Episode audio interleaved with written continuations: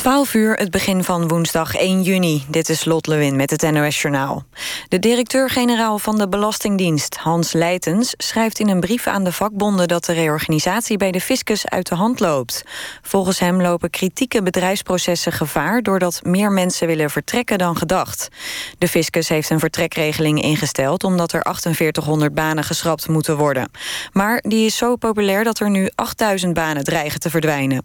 Leitens schrijft in de brief dat hij de plannen wil aanpassen... maar de vakbonden voelen daar niks voor. De VS waarschuwt Amerikanen die deze zomer naar Europa willen... voor aanslagen bij grote evenementen. Als voorbeeld noemt het ministerie van Buitenlandse Zaken... het EK voetbal in Frankrijk. Reizigers zouden ook risico lopen bij toeristische trekpleisters... en in het openbaar vervoer. Ook waarschuwt Amerika voor een mogelijke aanslag... tijdens de Wereldjongerendag in het Poolse Krakau. De organisatie van het katholieke evenement verwacht ongeveer 2,5 miljoen bezoekers. Vijftien vluchtelingen hebben in België vanuit een container de alarmcentrale gebeld omdat ze in ademnood raakten. Ze zouden vanuit de haven van Zeebruggen naar Italië worden gesmokkeld, maar ze raakten in paniek. De dertien mannen en twee vrouwen uit Eritrea zaten in een container met melk. Nog voor de reis begon kregen ze niet voldoende zuurstof binnen. Volgens de politie had de container alleen kleine luchtgaatjes. Bij de brand in een metaalbedrijf in Vlaardingen zijn drie medewerkers licht gewond geraakt. Vanmiddag ontstond vuur in twee machines. In het pand wordt gewerkt met mangaan. Die stof is niet met water te blussen en daarom moest de brandweer poeder gebruiken. Het weg- en treinverkeer had veel last van de brand in Vlaardingen. En dan nog het weer. Het blijft op de meeste plaatsen droog. Morgen meer bewolking en kans op buien bij maxima tussen de 20 en 25 graden. Ook donderdag en vrijdag is het licht wisselvallig en vrij warm voor de tijd van het jaar. Dit was het NOS Journaal. NPO Radio 1. VPRO. Nooit meer slapen.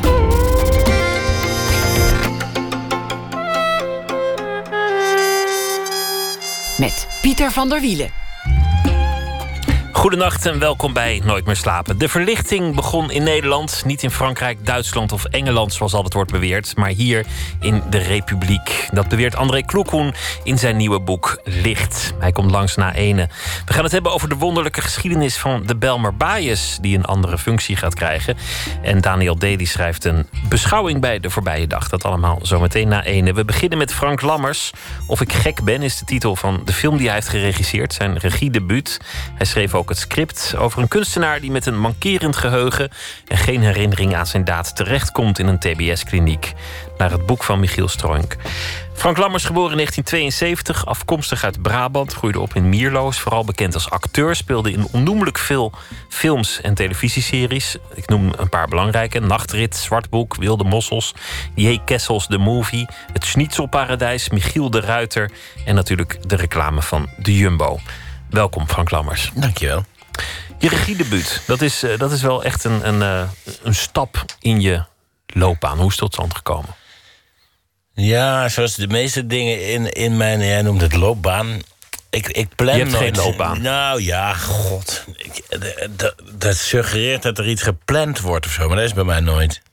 Bij mij ontstaan er ergens dingen in mijn achterhoofd... en dan belt er iemand op.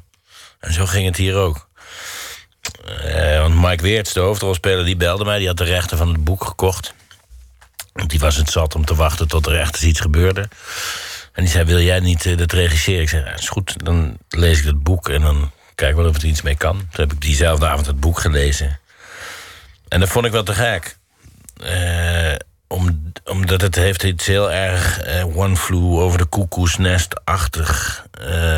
iets zit erin, maar dan 2.0 en met... met uh, ja, hardere types. Dat vond ik interessant. En bovendien maakt het in Nederland is filmmaken heel duur. Dus, dus uh, dat 80% van die film in een TBS-kliniek afspeelt... maakt het uh, eenvoudig verfilmbaar. En ik zou ook liever, net als bij James Bond 8... Aston Martins over de kop laten vliegen en, en zo mijn film beginnen. Maar ja, die openingscène van James Bond... is geloof ik het hele budget van de Nederlandse film... van de afgelopen tien jaar bij elkaar. Uh, dus dat was behapbaar. Dus toen zeg ik maar, dan schrijf ik ook het scenario. Had ik ook nog nooit gedaan, of in ieder geval niet voor film. voor lange film, moet ik zeggen. Ik had wel stiekem geoefend, omdat ik heb heel veel filmpjes voor Guus Meeuwis gemaakt... eh, voor zijn stadionconcert. Er waren altijd een soort mini-speelfilmpjes... en dan schreef ik ook altijd wel het scenario. Maar ik heb dat boek gepakt en daar wat dingen aan veranderd. En, en eh, eh, eh, met name het eind enigszins veranderd. En eh, ja, iets groteskere saus opgegooid, dacht ik. Het is, het, je, had, je had als debuterend regisseur vele laffe keuzes kunnen maken. Je, je hebt er volgens mij eh, geen één gemaakt. Het is, het is een rauwe film, het is het is een wrange film... het is een bij vlagen zwartgallige film. Ehm, heel veel hele goede acteurs. Monique Hendricks zit erin en eh, je noemde Mike Weerts al. Nou, er zitten er zitten nog veel meer in. Je kent natuurlijk veel mensen. We gaan luisteren naar een, een gedeelte van de trailer... om even in de sfeer te komen. Oké. Drieënhalf jaar geleden was ik met twee vrienden op een feest in het Amsterdamse bos. Je was bijzonder gecharmeerd van twee meisjes. Immeke de Croo en Femi El Amadi. Ik heb zoveel geslikt en gesnoven en gezopen dat ik niet meer weet precies wat er allemaal gebeurd is. En je enige verklaring is dat je zoiets nooit zou doen. De edelachtbaren veroordelen u daarvoor tot vijf jaar cel met TBS.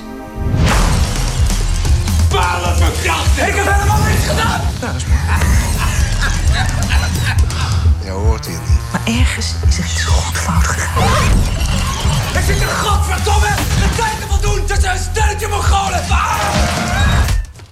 Nou, zonder beeld vind ik hem eigenlijk al best goed. Als hoorspel. Nou, je hebt wel een beetje de sfeer al, al te pakken, denk ik, toch? Ja. Het feit dat de hoofdrolspeler of de, de, het hoofdpersonage geheugenproblemen heeft en zich niks van de daad kan herinneren, dat, dat maakt het al spannend. Het heeft een soort Hitchcock-achtige suspense. Dat, dat is iets Oh, je waardoor mag je mij best met Hitchcock vergelijken. Ja, hoor. Dat vind ik helemaal niet erg. alleen op dit ene vlak dan. Maar, maar het- dat maakt het spannend. Je gaat twijfelen, hoe, hoe zit dat nou? En hij is niet meer betrouwbaar als, als verteller of als, als getuige. Nou ja, voor zichzelf ook niet. Ik denk dat dat het interessantste is. Of dat vond ik het interessantste, laat, laat ik het zo zeggen. Eh, er zit ook ergens een zin in. Je moet je eigen waarheid maken. En zorgen dat je er niet eentje krijgt opgelegd. En ik denk dat dat waar is.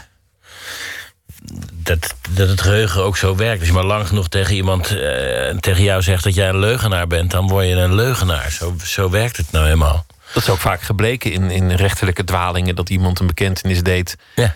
van een daad die hij onmogelijk gedaan had kunnen hebben... Ja. omdat iemand maar bleef zeggen, jij was het. Als iemand zes jaar lang tegen jou zegt dat je een klootzak bent, dan, dan, ben je, dan vind je, ja, zo werkt het nou helemaal. Je kan, je kan iedereen alles opdringen. Ik vind het een fascinerend iets. Die fascinatie is ooit ontstaan omdat ik in een. eh, ik stond ergens op de hoek van de straat, een lang verhaal, maar het was allemaal niet zo koosje. Maar in ieder geval, ik stond, ik moest even wachten tot er iemand weg was. Klinkt heel vaag. Maar er waren meisjes van de middelbare school... en die dachten dat ik naar hun stond te gluren. En dat was helemaal niet zo. Dus ik ging uiteindelijk het huis binnen. En ik sta daar, toen kwam er een blikje tegen de raam... en toen gingen die mij beschuldigen dat ik een, een perverseling was... Die, die die meisjes wilde verkrachten. En ik denk, hè, wat is dit nou, jongens? Ik kwam echt helemaal uit het niks. Dus ik loop naar buiten. Ik zeg, wat is er aan de hand, jongens? Want eh, dit, dus ik liep die, met die mensen mee naar school. Toen bleek dat het meisje een soort... Ja, die, die, die verzon wel vaker dit soort dingen, zeg maar. Maar je schrikt je helemaal de blubber. Dat je denkt, hè? Je krijgt ik- iets in de schoenen geschoven ineens. Ja, en het zijn dertig mensen die allemaal hetzelfde tegen jou zeggen. Terwijl je denkt, nou, dit is...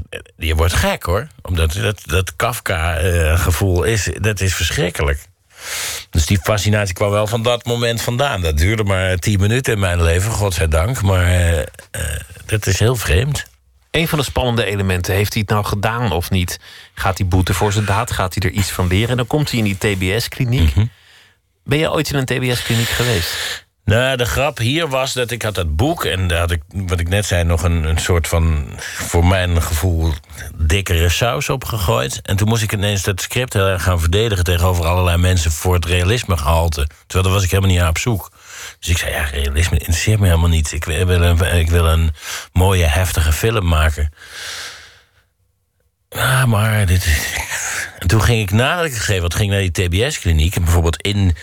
in, in eh, ik had er eh, nog veel meer. In het boek stond al kunst, maar ik had nog veel meer kunst in die kliniek gehangen. En ik had van, van, van de directeur een directrice gemaakt die. eh, verslaafd is aan seks en aan kunst. En, eh, dus ik kom die kliniek uiteindelijk binnen. En die hangt stervensvol met kunst. En de directrice komt naar beneden in een Philippa K-jurk op zulke naaldhakken. Dus ik liep zo mijn eigen fantasie in. Toen bleek dat de werkelijkheid nog... Nou goed, die directrice is een fantastische vrouw. En die is echt niet aan seks en aan kunst verslaafd. Die doet haar werk, die doet haar werk heel goed, die mevrouw uit de kliniek. Daar gaat het niet om. Maar toen gingen we zitten, gingen we eten bijvoorbeeld, kregen we eten. En dat, dat waren een soort drie sterrenhapjes met bladgoud eroverheen. Die die gevangenen, of die, die patiënten moet je ze noemen, gemaakt hadden. Want die liggen een vak daar of zo. Nou ja, dat is bezigheidstherapie, denk ik. En daar worden ze rustig van. En natuurlijk, uh, prima. Dat is ook heel goed dat dat gebeurt. Alleen, als je dat dus in een film stopt... dan zeggen mensen, ja, dat is niet realistisch. Dat bladgoud, dat ging te ver. Ja. Ja, dat zit ook niet in de film, want dat is de werkelijkheid, zeg maar. Maar dus. Ik was er al niet naar op zoek, naar realisme. En nu al helemaal niet meer. Want de waarheid is uh, nog. Ja, ik heb, uh, ik heb de waarheid verzonnen, zeg maar. En, en, en eigenlijk is hij nog gekker. Dat is ook een aspect van de film. De, hij is een kunstenaar. Hij moet weer zichzelf ontdekken als, mm -hmm. als kunstenaar. En daar zit ook de vraag bij: wat is eigenlijk kunst? Hoe ja. werkt dat? Wanneer mag je iets kunst noemen? Ja. En, en, daar zit ook weer de vraag onder: wat is werkelijkheid? Tamelijk filosofische thema's die gelukkig niet helemaal worden uitgesponnen tot op de draad. Ja. Maar je kan het er wel over hebben, dat is de bedoeling. Dus dat vind ik fijn om hier nu te doen. Ja. Uh, kunst. Kijk, Benjamin is een, uh, voor mij een iets te vroeg gearriveerde kunstenaar. Je had, uh, een tijdje geleden waren er t-shirts en omloop... er stond op Too Many Artists. En ik denk dat dat waar is in deze tijd. Dat is ook weer een fascinatie die bij mij eerder begonnen is. Uh, in de jaren negentig of zo. Dat je die hele generatie uh, Peter Klashorst en dat soort types... en alles wat daar omheen hing. In de Beb en de Diep in Amsterdam. En mensen met koeienjassen. En iedereen noemde zichzelf kunstenaar. Terwijl eigenlijk niemand echt... Vond ik, uh, niemand, niemand is overdreven, maar heel veel van die mensen die maakten helemaal geen interessante dingen. Die, die, die, die, waren, die speelden de kunstenaar, maar er waren geen kunstenaars. En soms uh, hadden die jongens dan ineens ook nog succes of zo. En dan kregen ze geld en dan was er drank en drugs en vrouwen. En, uh, terwijl er eigenlijk helemaal geen gedachte onder zat. Dat vond ik. Ik, ik kwam daar niet graag in die scene. Ik vond het vervelend. Er zijn ook dingen die, die toen heel succesvol waren als je ze nu, nu ziet. Ja. Je ziet ze niet meer, maar stel dat je ze zou zien, zou je echt versteld staan. Ja, die, Digi die, digitale kunst uit de jaren negentig. Van, ja, van die een doorstaat helemaal de tand des tijds helemaal niet. Maar dat was een opwelling. Echt, echt rijk mee geworden. Ja, en vervolgens hebben ze, heb je ook nooit meer iets van ze gehoord. Zo'n kunstenaar is Benjamin. Ik, ik, dat vind ik ook fascinerend. En die, die jongens die. Kijk, als je een echte kunstenaar bent, dan word je er niet per. Als je dan geld verdient of zo, word je er niet per definitie niet leuk van. Maar de meeste van deze jongens werden heel onsympathiek. Dat is natuurlijk fascinerend. Maar dan komt er dan niet een echte fantasie in het hoofd zit. Of een. Echte gedachte. Nee, het is leeg. De muziek is ook apart uitgebracht. Ja. die heeft, eh, heeft ervoor getekend. Dat is wel een echte kunstenaar. We gaan luisteren naar een, eh, een stuk van die soundtrack.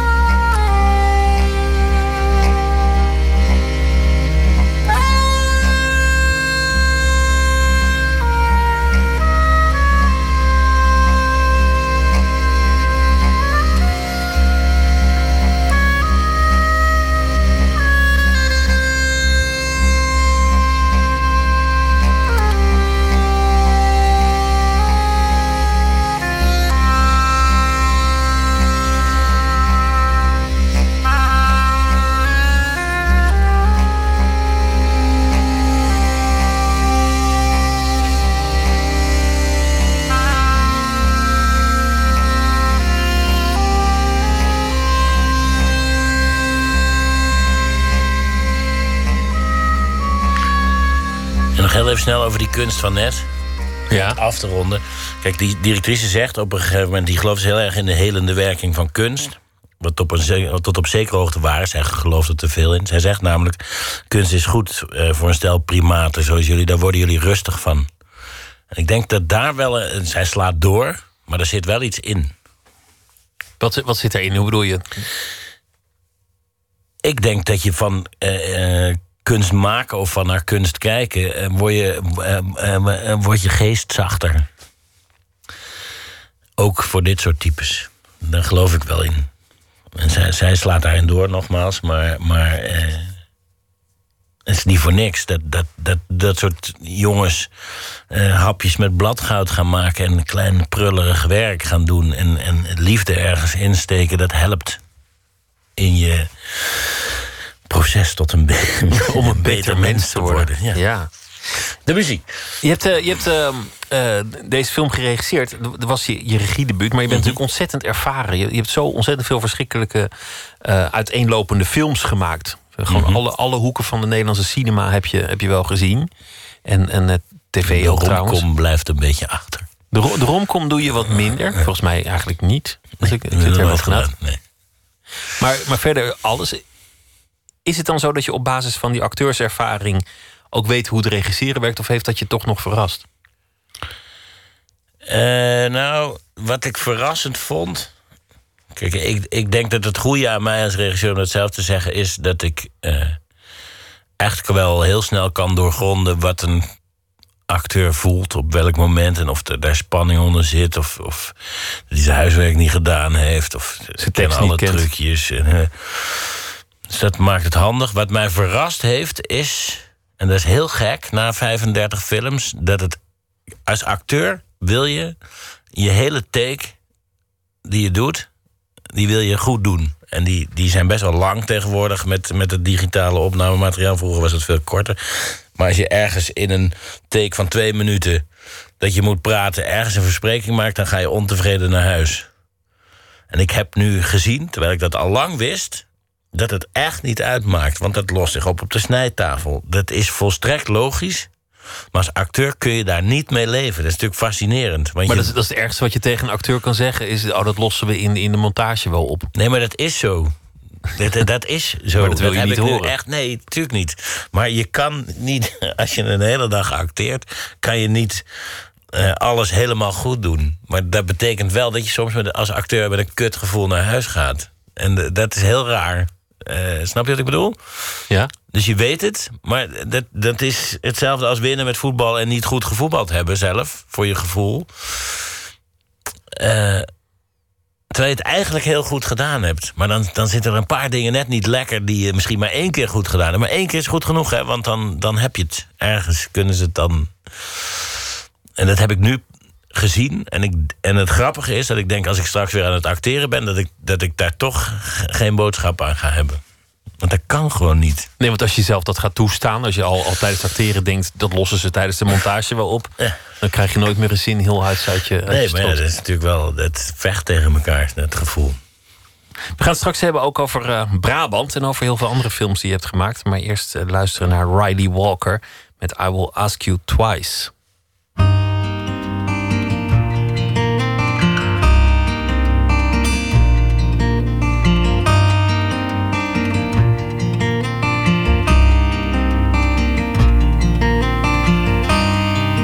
Played footsie with Jesus. Oh man, what a weak touch. I don't read the Bible, babe. I think it says don't ask much. With good posture for peace, a celebration would be nice. And would you marry me, babe? I will ask you twice.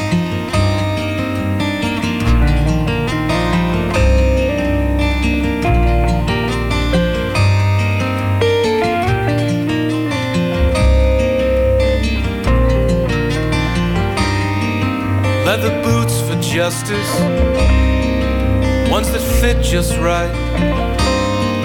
What size are you and where? Do you wear those things out at night? With good posture for peace, a celebration would be nice. Would you marry me, baby?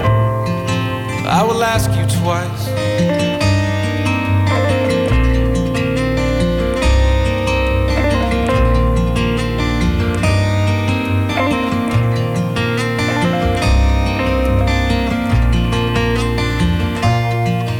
Good posture for peace. A celebration would be nice. Would you marry me, baby? I will ask you twice. I will ask you twice.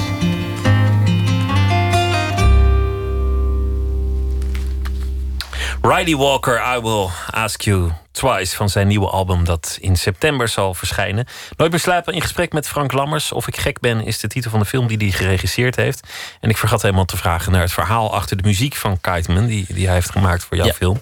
Want die heeft hij uh, indachtig Miles Davis bij Als een Sur pour les heeft hij die ingespeeld, kijkend en improviserend... Ja. terwijl de film werd afgedraaid. Nee, ik wilde bij deze film alles anders doen. Dus ook met de muziek. En ik had hem gezien op Lowlands. Ik had het concert gehoord. Het is zo goed. Klassiek, hip-hop, eh, alles door elkaar. Zo. En precies de vorm die ik zocht voor deze film vroeg alleen aan hem ook: heb je ook iets van een soort van eclectische, house-achtige herrie? Zei, ja, dat heb ik wel, maar dat maak ik s'nachts als ik alleen ben. En dat heb ik nog nooit aan iemand laten horen. Ik zeg, nou kom op dan. Toen liet hij dat horen. En dat was zo'n takkenherrie dat ik meteen dacht: yes, dit is het. Hij zei: ja, maar ik wil het anders doen. Ongeveer op hetzelfde moment dat ik zei: ik wil het anders doen. Dus hij heeft het, een bioscoop gebouwd in Tivoli. Is daar met 25 man gaan zitten. Net als Miles Davis in, in uh, L'Ascenseur à Les En uh, toen hebben ze zes uur gespeeld, themaatjes verzonnen. Uh, tot ze dachten, nu hebben we wel iets. Toen hebben ze die film aangezet en toen zijn ze het gaan spelen. Maar dat betekende dat al die muzikanten en hij zelf een vierdubbele concentratie hadden. Hun eigen instrument, hun medespelers, Kiteman die stond te dirigeren... en het, die film die draaide. En de teksten daarvan, en hadden ze allemaal op hun oren. En eh, die eerste drie kwartier was magisch. Ik, eigenlijk, ik heb zelden zoiets meegemaakt. Dat je naar je eigen film zit te kijken en iemand speelt. Er zijn allemaal mensen die tegelijkertijd daar muziek onder spelen. En het paste. Dus feitelijk had ik daar gewoon kunnen zeggen: Nou, is goed, we hebben het. Maar dat wilde hij niet. Dus hij heeft het nog 19, 12, weet ik veel. Uiteindelijk was er 28 uur nieuwe muziek. Waaronder het nummer wat je net gehoord hebt twee nummers geleden. Uh, ja, dat was, is geniaal, geniale jongen is het. Dus en dat ook, was eh, fantastisch. ook uitgebracht als, uh, als album, gewoon los te kopen, zonder ja. de film. Ja. Laten we het hebben over Brabant. Je groeide op in het, het stadje Mierlo. Stadje? Dorp, Mierlo. Dorp, dorp. Hoeveel inwoners, weet je dat? 10.000. Oh ja, dat is wel echt een, echt een, een dorp. Ja. En in, in Mierlo heb jij je ooit uh, mee op de barricades gesprongen om, om je te verzetten tegen de gemeentelijke aansluiting met Helmond. Want dat moest onder geen beding gebeuren. Nee. Je, je, bent gaan demonstreren met grote borden om je lijf. En, en, en een slogan nou, erop. Dat, dat viel uiteindelijk. Het is er mooier geworden. Ja, tuurlijk. Het is, je moet, de waarheid moet je verzinnen. Uh, ik was daar wel echt niet mee eens. Ik denk dat schaalvergroting. In de wereld voor heel veel problemen heeft gezorgd. En ook op dat niveau. Het heeft geen enkele zin om, om bestuurlijk uh, met, met. Dan zeggen ze dat dat uh, bespaart kosten, maar dat is helemaal niet zo. De lijnen worden alleen maar langer. Je moet meer mensen inhuren. Mijn, mijn vader was vroeger wethouder van, van het dorp. En dan belde er een boer op. En dan was er een probleem en dan werd het opgelost. En nu moet diezelfde boer moet in het andere dorp naar een loket. Oh, dat weet ik niet, zegt die man. Dan moet ik even iemand erbij halen. Dus dat duurt allemaal veel langer. Maar het is uiteindelijk gelddrop geworden, de aansluiting. Helmond ging niet door en dan werd het gelddrop. Maar ja, al die gemeentes hebben, hebben daar spijt van. En uh, uh, je ziet al die bedrijven kapot gaan aan schaalvergroting. En dat gaat natuurlijk allemaal mis. Op een gegeven moment. Neem nu uh, actueel de blokker als voorbeeld. Maar dan had je wel een, een, soort gevoel van identiteit. Als, als uh, ja, wat, wat ben je dan? Uh, in ieder geval, je, je voelde je verwant met je dorp. Nou ja, identiteit is belangrijk, denk ik. En dat heeft de film ook maar weer eens bewezen. Om, om, omdat in de financiering van de film dacht ik... ja, ik ga dat geld gewoon in Brabant halen. En op, op goodwill en op gunfactor. En, en dat is gelukt. Het is ook in Brabant opgenomen voor een groot deel. En ik denk dat die, die roots en waar je vandaan komt, voor mij is dat belangrijk in ieder geval. Ik, ik wil dat uh, graag behouden, hoewel ik er niet meer woon. En uh, koesteren en uitdragen. Want, want ik heb daar een 19 jaar gewoond en 19 jaar fantastische tijd gehad. Dus je blijft in je hart altijd een, een Brabander? Ja, maar ik denk dat dat goed is. Dat, dat is goed, dat zou iedereen moeten doen. Je moet, je moet koesteren waar je vandaan komt. Eh, eh, Heb je ook gevochten daartegen? Heb je wel eens gedacht, ik, ik wil hier weg. Als, als ik een auto Tuurlijk, heb, dan ik ben ook ik weg. vertrokken. Ja. Ik wist, als ik iets wil bereiken, moet ik nu hier weggaan op mijn negentiende. En dat, dat deed heel veel pijn, maar ik, ik zag jongens in de bar op hun barkruk zitten... en daar zaten ze al vijf jaar. En als ik nu naar dezelfde bar ga, zitten ze er nog. En dat, wil, dat, wil ik, dat wilde ik niet. Ik wilde een groots en meeslepend eh, leven. En, en eh, soms verlang ik wel naar de rust die daar was... of het leven wat ik daar had kunnen hebben. Maar ik ben blij dat ik ben vertrokken. Maar dan, dan zit je in Amsterdam en je, hebt- je hebt toegang tot zo'n beetje alle kringen waar je zou willen komen. Maar je vertelde net al over een paar cafés waar je kwam waar je dan niet prettig voelde. Waar, waar je toch allemaal te veel poeha vond. Verwende kunstenaars die eigenlijk helemaal niet zoveel konden. Je kent al die kringen nu van binnen naar buiten, maar voel je daar wel thuis? In Amsterdam, nou ja... eh, Of blijf je dan daar toch ook weer de Brabander, de buitenstaander? Nee, dat denk ik niet. Eh, ik heb daar ook natuurlijk eh, vrienden opgebouwd. En inmiddels hoor ik daar wel hoor ik daar ook thuis. Maar met behoud van identiteit. Dus toen, toen PSV kampioen werd eh, een paar weken geleden... toen stond ik op de tennisbaan waar ik, waar ik veel eh, vertoef. Maar dat is ook een voetbalclub. En daar dat- die, is, die is ongeveer op de middenstip van de Oude Meer, die tennisbaan. Ja, dan, dan, dan, dat is wel lekker hoor. Dan, dan stonden daar 60 mensen, Ajaxiden stonden naar die wedstrijd te kijken. En, en, en ik ben er dan. En ik ben dan voor die andere Voor club. Dat heeft ook echt iets heel lekkers. Dat buitenstaander zijn. Je voetbalde al toen je daar nog woonde. hoe, hoe heette die club? Mifano. De favoriete voetbal, voetbalclubnaam van eh, Tom Egberts. waar- waar staat dat voor dan? Dat betekent, en dat, dat tekent ook wel eh, eh, waar ik vandaan kom... dat betekent Mierlo faal nooit. En eh, dat is gebiedende wijs. Dat, dat is een opdracht. Dat is een opdracht, ja. En dat is niet... eh, Want veel mensen zeggen dan Mierlo faalt nooit. Dat is natuurlijk niet, niet waar. Maar faal nooit. En dat is gekomen omdat er was een keer een kampioenswedstrijd... in de jaren 50. Toen heette ze nog MVC, de Mierlose voetbalclub. En die verloren ze met 8-0. En daardoor werd de tegenstander Mierlo Hout, de grote vijand, kampioen. En de volgende dag fietste de keeper op een gloednieuwe fiets door het dorp, vrolijk zwaaiend. En dat is uitgekomen.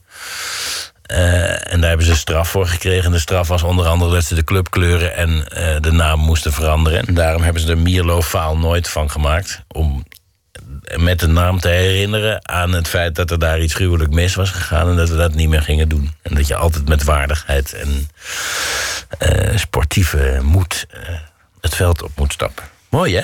Ja, vind ik heel mooi.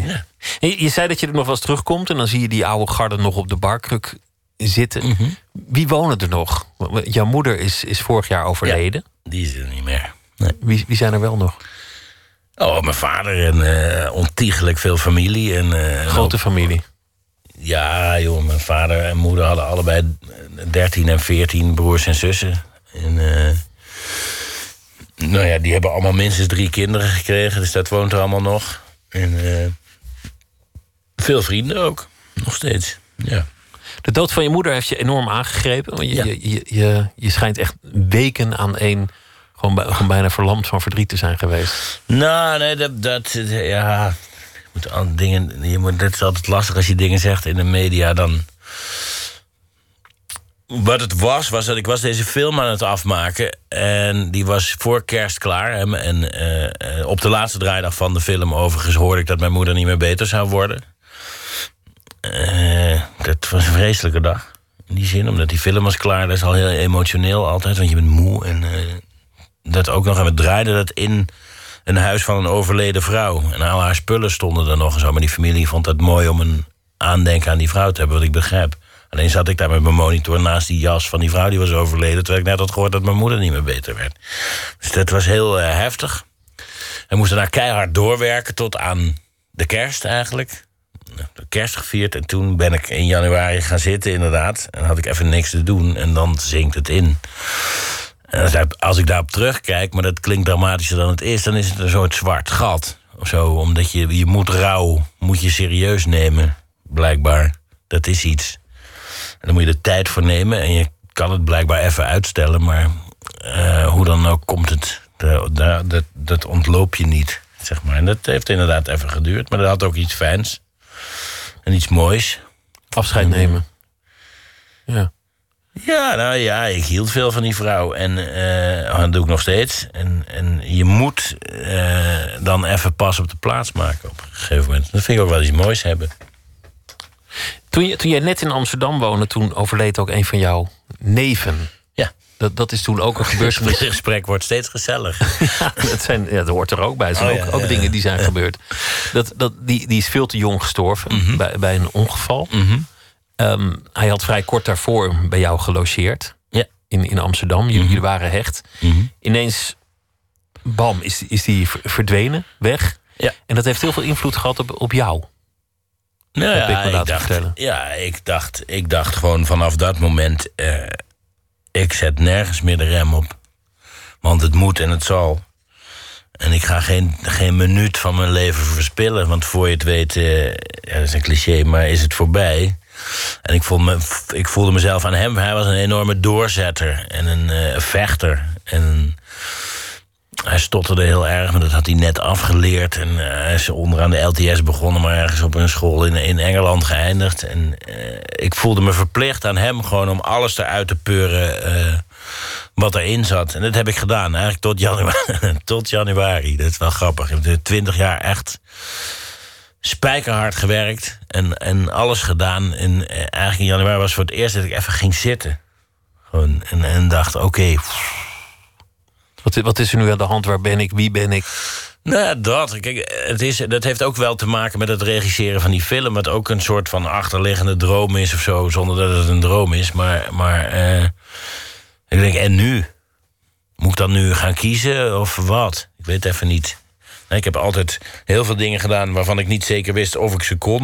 En dan ging je van toneel naar film, naar musical, naar regisseren, naar film regisseren. En altijd waar, was er wel een nieuwe grens of zo. En ik, ja, ik moet nu echt gaan dansen of zo. Maar dat, dat kan ik echt niet. Dus, Op, zeker, dus, eh, op een zeker ogenblik heb je zoveel dingen gedaan en gezien. Dat dat, Ik denk dat ik er een beetje doorheen zit. Ja. denk ik In niet. mijn, in mijn, eh, nee, nee, je kan, weer, je kan wel eh, nieuwe dingen gaan maken. Maar, maar om nog weer een nieuw métier aan te snijden, zeg maar, die zie ik even niet.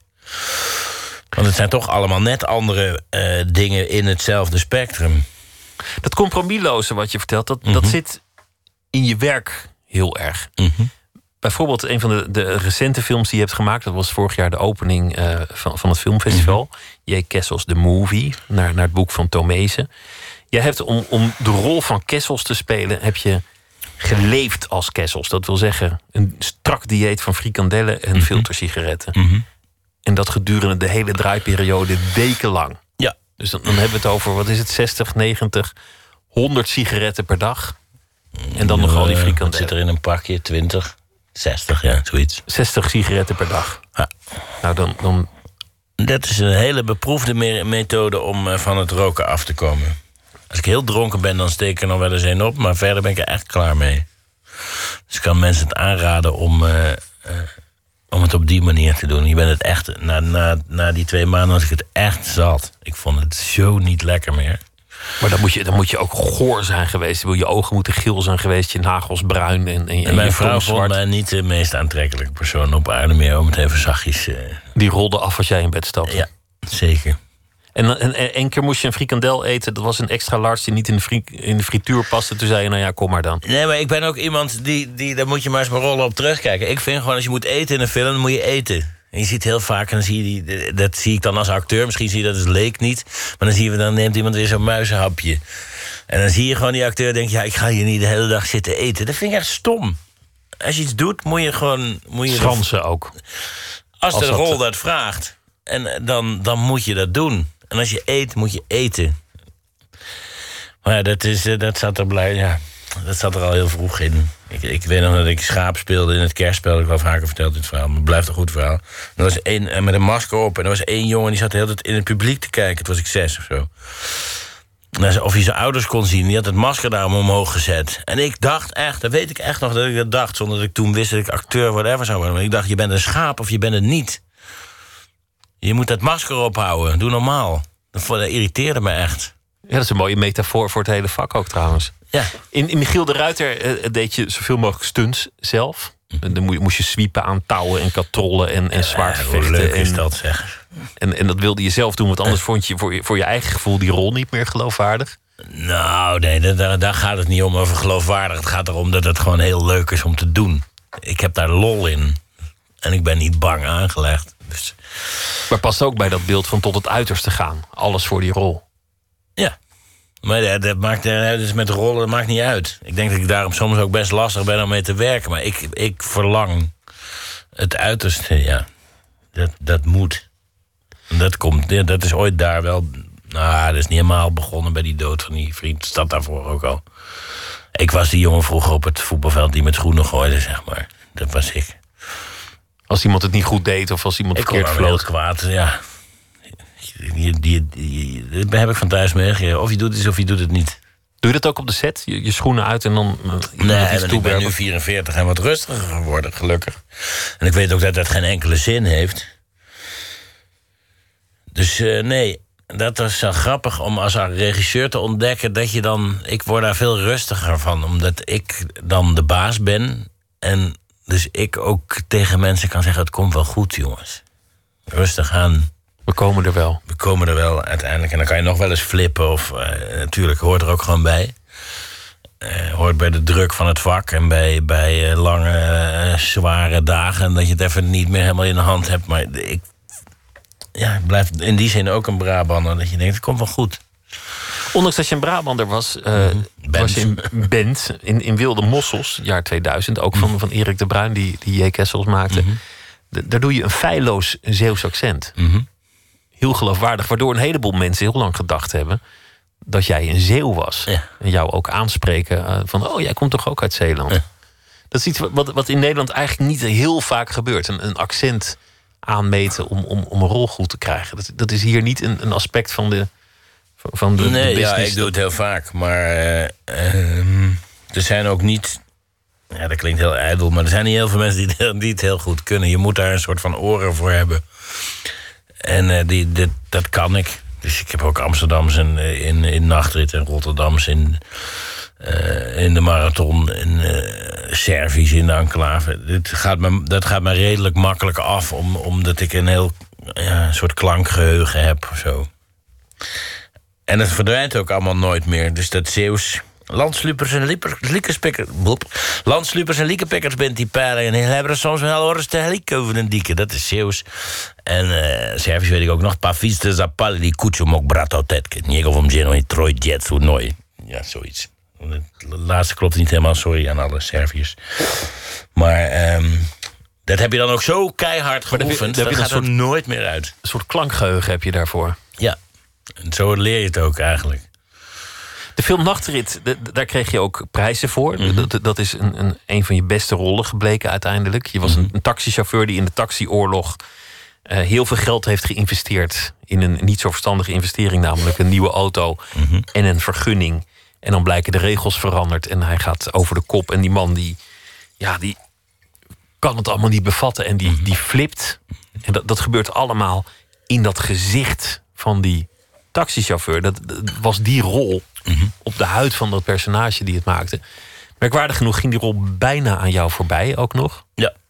Omdat, omdat ze aanvankelijk dachten, ja, die, die lammers, we, moeten een wat opgewondener figuur hebben. Nee, nee, dat was het niet. Eigenlijk was die rol voor mij geschreven zelfs. Door, die, door Frankie Ribbons, de schrijver. Alleen, ik, op die auditie maakte ik blijkbaar niet een hele gemotiveerde indruk. Wat ik heel vervelend vond, maar ik snap dat wel. eh omdat. Ja, ik ben ook gewoon verlegen. En dan, ik heb niet een hele actieve houding van mezelf. En, eh, maar heel veel acteurs die heel goed auditie kunnen doen... die zijn eigenlijk niet zo'n goede acteur. Ja, dat klinkt eigenlijk ook weer... Ja, omdat je, je hebt tien minuten, mensen zitten aan een tafeltje, je hebt Je geen kan, set. maar eh, mensen die dat heel goed kunnen, dat, daarmee is vaak ook hun tax bereikt. En, en eh, dat heb ik nu gezien ook als regisseur. En, en eh, dat je mensen auditie laat doen. Mensen die iets meer de kat uit de boom kijken en waar je iets langer mee werkt. In tien minuten kan ik me niet bewijzen. Dat vind ik vervelend. Dus ik word daar een beetje teruggetrokken van. En ik denk dan vraag gewoon aan mij. Dan gaan we een uur, een dag zitten ergens en kijken of we ergens kunnen komen. Maar die tijd is natuurlijk vaak niet. Je komt ergens binnen, je moet je ding doen en dan is het alweer voorbij. Of zo. Ik kan dat. Ik kan geen, ik kan geen auditie doen. Echt niet. Totaal niet. Dat is verschrikkelijk. Dat begrijp ik ook wel. Maar inmiddels weten ze wel wat, wat ze aan je hebben, denk ik. Of werkt dat niet zo? Moet je, moet je nog steeds dan auditie doen, ook al hebben ze je in zoveel films kunnen zien? Nee, ja, eh, ik vrees dat het niet helemaal zo... Nee, ik, soms krijg ik ook wel gewoon rollen nu, hoor. Ehm, maar ja, je moet nog steeds auditie doen. En dat, dat blijft voor mij een, eh, wel een hobbeltje. Ik vind het ook gewoon stom. Dat is het eigenlijk. Heel lang eh, kreeg je ook vooral bijrollen in films. Maar, maar dat heb je volgens mij redelijk afgeschud. Het is volgens mij toch heel stil een moment gekomen... door heel hard te werken en heel veel te doen... dat, dat, je je eigen plek hebt veroverd. Nee, ja, maar ik... ik uh... ja, je zei aan het begin ook, ben je daar helemaal niet mee bezig. Ik heb geen loopbaan. Nee, maar ik, eh, om, om hoofdrollen te spelen is het handig als je, een hele, eh, als je er heel goed uitziet. En ik ben niet lelijk, maar ik ben wel te zwaar. En ehm, dat helpt niet. Dan moet de rol al, al iets in die richting hebben, zeg maar. Zo'n taxichauffeur of Michiel de Ruiter, waar ik helaas, want zo'n knappe man is het niet, maar toch wel met een snor erbij wel wat van weg heb. Dus dat heeft er ook gewoon mee te maken, vrees ik. Dat je niet de, de jongen bent op wie het meisje verliefd wordt in de romcom. Nee, ik kan niet eh, de discipline opbrengen om, om, om, uh, om er nog weer eens even 20 kilo af te. Zo is het ook. Want dan ben ik echt heel knap. Dan krijg je alle hoofdrollen, denk ik. Bij nou, Nachtrit. Nu ben ik gewoon te oud.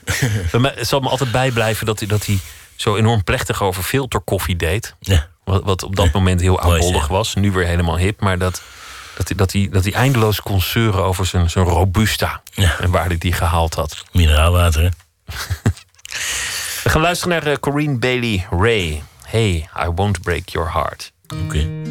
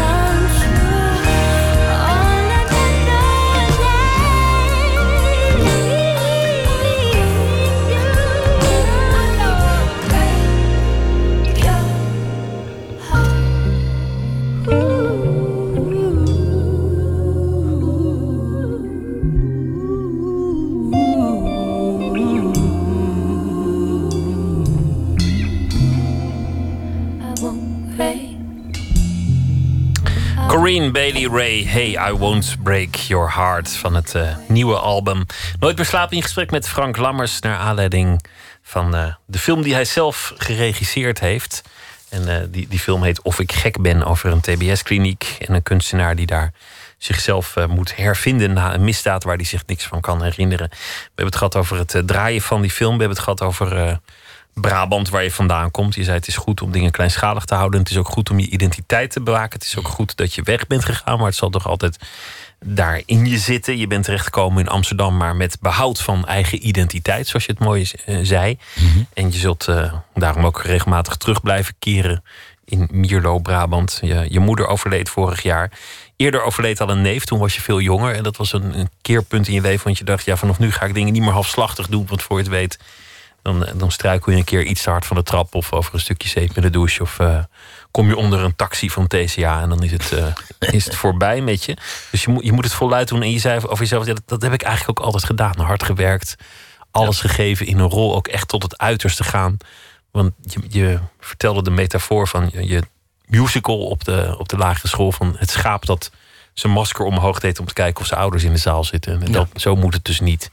Je moet het ten volste doen. En, uh, en, anders is het niet de moeite waard. Ambities, Knappe samenvatting. Ambities heb je niet in de zin van dat, dat, dat, je een plan hebt. Dingen komen op je pad. Dingen zijn nieuw. Dingen, dingen zijn spannend. Je bent ook in de luxe positie dat je niet alles hoeft aan te nemen. Dat komt ook een beetje door, door, door een zekere supermarktketen die ook kleinschalig is blijven denken. De Jumbo heet die, de Jumbo. Ja, uit Brabant ook. Ja. Ja, niet en die, geheel toevallig. Niet geheel toevallig. Maar die hebben jou wel de, de, de, vrijheid gegeven om af en toe nee te zeggen. Ja, maar ik vind het ook echt een fascinerend bedrijf. Dus dat, dat is leuk. Dat, dat heeft ook een beetje dat rebelse zoals we deze film hebben gemaakt. Dat heeft dit bedrijf natuurlijk ook.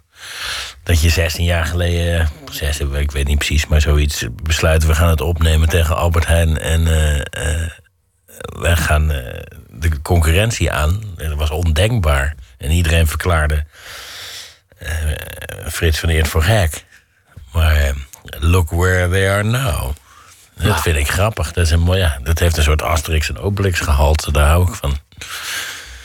Ik heb de, de, de leiding van de Jumbo ooit wel eens geïnterviewd over iets. Ik kan me niet zoveel van herinneren. Maar laten we er geen Jumbo-commercial van maken. Want die heb je al genoeg ingesproken. En, en uh, om dat nou weer te doen. Dat geeft je de vrijheid om, om af en toe nee te zeggen. Je zult ook af en toe nee moeten zeggen. Hoe beslis je eigenlijk wanneer, wanneer iets je aanspreekt? Wat, wat, zijn eigenlijk de films waar, waarvan jij denkt: oké, nu stap ik in? Hoe, hoe doe je dat? Nou, kijk, vooropgesteld is dat in Nederland worden er niet zo heel veel films gemaakt. In ieder geval niet uh, films waarvan je meteen denkt: woehoe. Dus als, je, uh, als er al een aardig script is, dan. Ik zeg niet zo vaak nee hoor. Uh, dat lijkt misschien zo. Ik hoef alleen nu niet meer allemaal rare televisieprogramma's en dat soort dingen erbij te doen om, om, aan, om aan mijn geld te komen. Maar in Nederland is het meestal eens in de drie, vier jaar dat er, dat er echt iets voorbij komt waarvan je denkt: dit, dit wil ik. En vorig jaar had ik er drie. Dus ik, ik ben bang dat ik voorlopig weer even op een, op een houtje moet bijten, zeg maar. vorig jaar had ik Michiel de Ruiter en Kessels en uh, Onder het Hart. En heb ik ook nog mijn eigen film geregisseerd. Dus dat was een soort top. Jaar qua ja. werk en een, en een rampjaar ja, en, persoonlijk. Ja, ja dat, dat was een lastige combinatie. Um, maar dus nu zal het wel weer even duren. Er staat nu ook niks. Even niet iets niet iets enorms, zeg maar. Dus, uh, ja. In die, in die Jumbo-reclame, daar ben je een, een, een goedaardige familieman... Die, -hmm. die, die de boodschappen doet en die, die kookt voor zijn gezin... en uh, de, de, rust zelf. En je hebt, je hebt volgens mij niet eens zo heel lang hoeven zoeken... om, om dat in jezelf te vinden. Nee, nou, heel rustig ben ik nooit, maar... Um, die makers zijn te gek. Die, die, die snappen iets wat ik niet snap. En dat vind ik mooi. Dus die, die hebben een gevoel bij, bij wat het grote publiek leuk vindt. En, en meestal snap ik niet wat ze aan het doen zijn. Daar hebben we dan ook wel eens ruzie over. Ik moet dit echt? Vermoeiend. Maar uiteindelijk... Uh, uh, en Patrick zijn het van Alfred. En die, die, die, die, die zien iets Dus dat loopje bijvoorbeeld bij Roy Donders. Als ik die winkel uitkom, daar stond Aad stond juichend achter de monitor. Die zei: Dit is het. En ik keek naar die scène en ik denk: Ja, het zal, Het zal wel. je huppelpak. Ik zie hem Ja. niet helemaal. Zeg maar. maar ja, wat blijkt, het ding wordt uitgezonden. En echt van alle lagen in de bevolking. Van slagers tot aan Jos Stelling, de filmmaker. Die zeiden, dit was, eh, dit, die overdreef wat, maar dit was ge- eh, cinema-geschiedenis. Noemde hij het. Zo. Ja. Maar wat ik eigenlijk bedoelde te vragen is dat- je, dat je zelf een, een huisvader bent en ook, Ja, ook zeer ik. toegewijd aan. Dat wil nog niet zeggen dat ik daar antwoord op moet geven. Nee, nou, dat hoeft ook niet. Maar, maar de- dat, dat vind ik wel interessant, omdat je, dat je in je, in je films altijd voorkeur hebt voor, voor de extreme types en voor Mhm. de extreme rollen. En, en ook heel ver gaat in het, in het uitleven daarvan. Mhm. Terwijl je eigen bestaan heel erg een familieman bent. Ja, maar dat is ook dat is echt opvoeding, denk ik. ik bedoel, dat, dat jouw is- ouders zo voor jou waren. Nou ja, mijn ouders zeker, die, die, die waren fantastisch. Maar de familie is natuurlijk in Brabant echt een enorm ding. Letterlijk en, letterlijk en figuurlijk. Met De die enorm. 70 negen, ne- neefjes en nichtjes. Maar vroeger ging je elke zondag naar je oma. Dat was wat je deed. En dan zaten al die ooms en tantes zaten te roken in een kamer. Een beetje de helleveegsfeer, zeg maar. En dan ging jij naar buiten voetballen met je neefjes. En, en eh, ja, zo ben ik opgevoed. En, en, mijn familie is alles eh, voor mij. Ik heb alleen door zo hard te werken de afgelopen twintig jaar... daar ook te weinig tijd aan besteed. Eh, en nu heb zelf kinderen. En, en je moet, dat zie je ook zo snel gaan... dat je moet oppassen dat, het niet voorbij, dat ze de deur al uit zijn... voordat je ze überhaupt hebt gezien. Zeg maar. Dus dat probeer ik wel heel erg nu te doen. Ja. Om daarvan te genieten. Zo jouw ga ik morgen met mijn dochter naar het WK meisjesvoetbal op de toekomst van Ajax. Hey, dit is toch, dat is toch leuk? ja, vind ik heel leuk. Ja, te gek.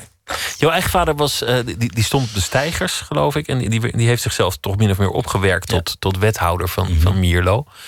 Jouw vrouw, Eva Postuma de Boer, die heb ik hier ook wel eens te gast gehad. Die, die schrijft. Leuke vrouw, hè? Dat is een leuke vrouw. En die, en die, En heel komt, knap ook. die komt uit een heel ander, ander milieu. Die, die zat als kind eh jointjes te jatten van Harry Mulisch. En, en haar vader was een Ja, dat beroemd Simon fotograaf. Vinkoog, maar Harry was niet zo'n blower, geloof ik. Maar, eh, Simon Vinkeoog was het. Ja. Die, die, die had zijn jointjes achtergelaten bij Harry Mulisch. En zij vond ze dan. Ik geloof niet dat ze woonde- opgeroepen. Simon Vinkoog woonde om de hoek, geloof ik. Maar je zou het haar moeten vragen. Er was een laan, er zat heel veel wiet in. Dus daar konden ze gewoon in graaien.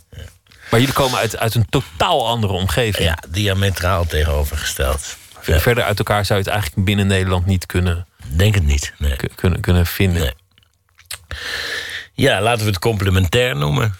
Eh, het ene is interessant en het andere ook. Eh, zij heeft eh, een heel erg natuurlijk intellectuele uitdaging in de, in de omgeving gevonden. En bij mij is het veel meer een soort ja, echt familiegevoel. En dat, dat is anders. En voor het ene is iets te zeggen, voor het andere ook, denk ik. Combinaties zou mooi zijn, dat proberen wij nu thuis te doen. De combinatie van aan de ene kant dat, dat intellectuele... en aan de andere kant dat, dat, dat wat ruwere Brabantse... of ik weet niet hoe ik Ja. dat, dat moet omschrijven. Nou ja, het is grappig, maar het heeft ook met boven en beneden de rivieren te maken. Eh, en, en nou goed, daar heb ik ooit een hele serie over gemaakt. Maar er is natuurlijk een enorm verschil tussen katholieken en protestanten. En het voornaamste verschil daartussen is dat er. eh, de katholieken zijn al vergeven, de protestanten niet. Dat betekent dat je eh, makkelijker fouten kan maken en dat je dus sneller dingen doet. Dus eh, waar het antwoord beneden de rivieren vaker ja zal zijn, is het antwoord boven de rivieren vaak ja maar. Want je kan nog in de hel komen. Nou ja, je Ja. moet dingen oplossen voordat er iets is. En in, in, in, in Brabant is het meer, we gaan iets doen en we zien wel wat de problemen zijn. Dat is, dat is een heel. Komt wel goed, dat. En, en hier, en eh, ja, ook daar is allebei iets voor te zeggen. Wat ik interessant vind is dat je, als je over je film vertelt... dan heb je er eigenlijk best wel diepgaand over nagedacht. En je hebt ook wel Mhm. gedachten over waarom je dingen wilt doen. En, en, en die, die slaan ook wel op andere aspecten van, van je leven... of opvattingen Mhm. over, over de samenleving. Maar, maar je lijkt me niet iemand die met heel veel plezier... Een, een boek vol filosofische beschouwingen over de cinema gaat lezen. Volgens mij moet het niet al te hoogdravend worden... om, om jouw interesse vast te houden. Nou, dat, weet, dat ligt. Ja. Nou, dat weet ik niet. Nee, dat kan ook. Dat kan ook, ja. Nee, maar, maar dan zou het te maken moeten hebben met het onderwerp waar ik mee bezig ben. En als je uh, Of ik gek ben neemt, dan daar zitten zoveel onderwerpen in. Die heeft nog niet iedereen ontdekt, geloof ik. Maar bijvoorbeeld ook de staat van, van de huidige uh, zorgsamenleving... en dat het steeds verder afkalft. Hè. Er die hele jonge dokter zit erin die, die, die nog stage loopt, maar die wel onze uh, zwaarste TBS'ers voor zijn neus krijgt. Jadnik ja, Jozefzoon uh, speelt hij. die speelt dat. En uh, dat, ja, daar zit ook een idee achter, snap je? Want dat is wat er aan de hand is. Dat wij onze GGZ steeds verder afkalven. Mijn zus, die, die, die werkt in de, in de geestelijke... of in de, in, de, in de sociale zorg, zeg maar. Die krijgt steeds minder, minder, minder middelen.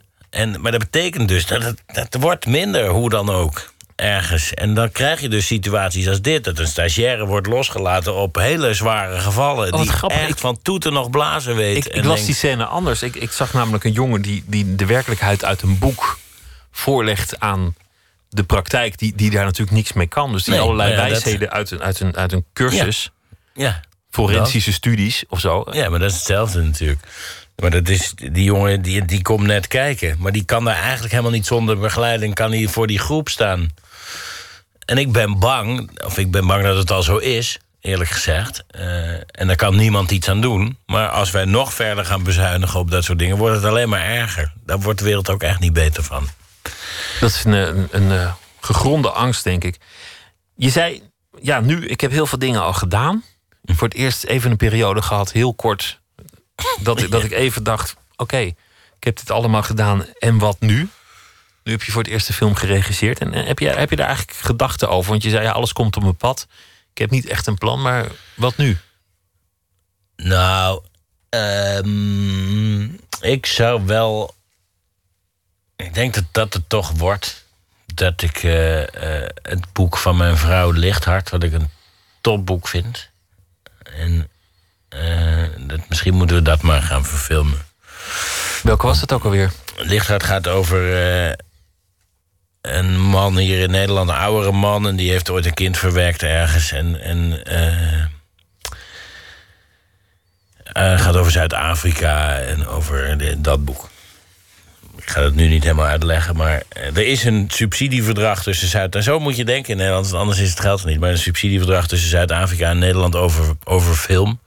Dus dat maakt het wellicht mogelijk om dit te gaan maken. En het is een te gek en ook een belangrijk verhaal. Want het gaat, ja, ook over identiteit en over uh, ouderschap of over kind zijn van een, iemand. Dan heb je die wel of niet. En dat in vergelijking van de westerse wereld tegenover Zuid-Afrika. Onder andere. Zo zitten daar ook al heel veel thema's in. En, en genoeg rauwigheid voor mij om, om hem vast te bijten. Dus misschien, ik hoop. En dan scenario en, en regie. Ja, daar ga ik geloof ik niet meer. Ja, als iemand een heel goed script heeft, dan, dan wil ik daar best over nadenken. Maar ik vond het wel een lekkere combinatie. Omdat je tijdens het schrijven van het scenario maak je natuurlijk die film al in je hoofd. En dan kom je dus automatisch heel goed voorbereid op de set. En dan kun je gebruik maken van alle talent wat er is.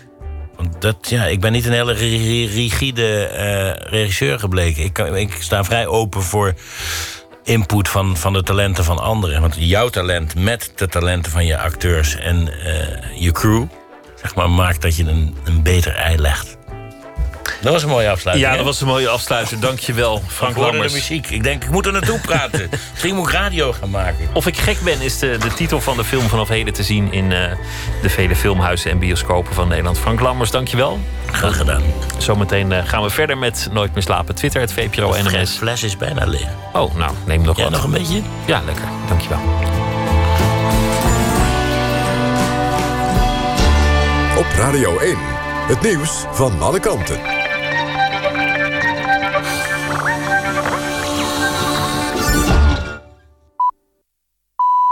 1 uur, Lot Lewin met het NOS-journaal. De directeur-generaal van de Belastingdienst, Hans Leitens... schrijft in een brief aan de vakbonden dat de reorganisatie bij de fiscus uit de hand loopt.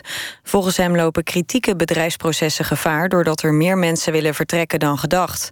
De fiscus heeft een vertrekregeling ingesteld... omdat er 4800 banen geschrapt moeten worden. Maar die is zo populair dat er nu 8000 banen dreigen te verdwijnen. Leitens schrijft in de brief dat hij de plannen wil aanpassen... maar de vakbonden voelen daar niets voor. Een vrachtschip uit Alkmaar is tegen een brug in Antwerpen aangevaren. Bij de botsing is één opvarende zwaar gewond geraakt. Het slachtoffer is met onbekend letsel naar het ziekenhuis gebracht. De stuurhut is compleet vernield door de klap... en het schip ligt nu vast onder de brug. Hoe het ongeluk heeft kunnen gebeuren is nog niet bekend. Mogelijk lag het schip te hoog in het water... en kon het daardoor niet onder de brug door. De afgelopen drie jaar is er 101 keer melding gedaan... bij de Inspectie voor de Gezondheidszorg... van het overlijden van een baby...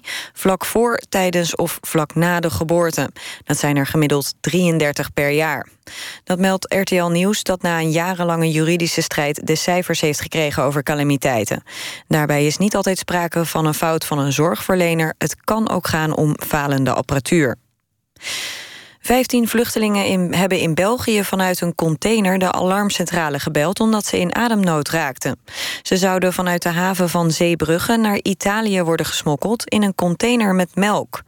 Nog voor de reis begon kregen de dertien mannen en twee vrouwen uit Eritrea onvoldoende zuurstof binnen. En dan nog het weer. Vannacht blijft het op de meeste plaatsen droog. En morgen is er meer bewolking en kans op buien... bij een maxima van tussen de 20 en 25 graden. Dit was het NOS Journaal. NPO Radio 1. VPRO. Nooit meer slapen.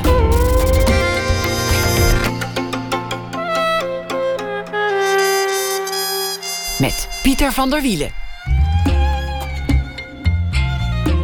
Morgen sluit na 36 jaar de Amsterdamse Belmer Baaiers.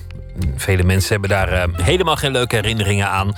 Vooral de mensen die erin gezeten hebben. Maar toch was het een idealistisch project toen het begon in de jaren 70. Straks herinneringen aan de roemruchte gevangenis. Filosoof André Kloekhoen komt langs om te vertellen over zijn boek Licht. De ondertitel luidt De Nederlandse Republiek als bakermat van de verlichting. En Daniel D., hij schrijver en dichter, zal deze week elke nacht een verhaal schrijven bij De Voorbije Dag. Daniel, goeienacht. Goeienacht. Vertel eens, wat was het uh, voor dag? Nou, ik denk het belangrijkste nieuws van vandaag was natuurlijk uh, Typhoon, die aangehouden werd in zijn auto. Is een mooie witte four-wheel drive net door de wasstraat ja, geweest.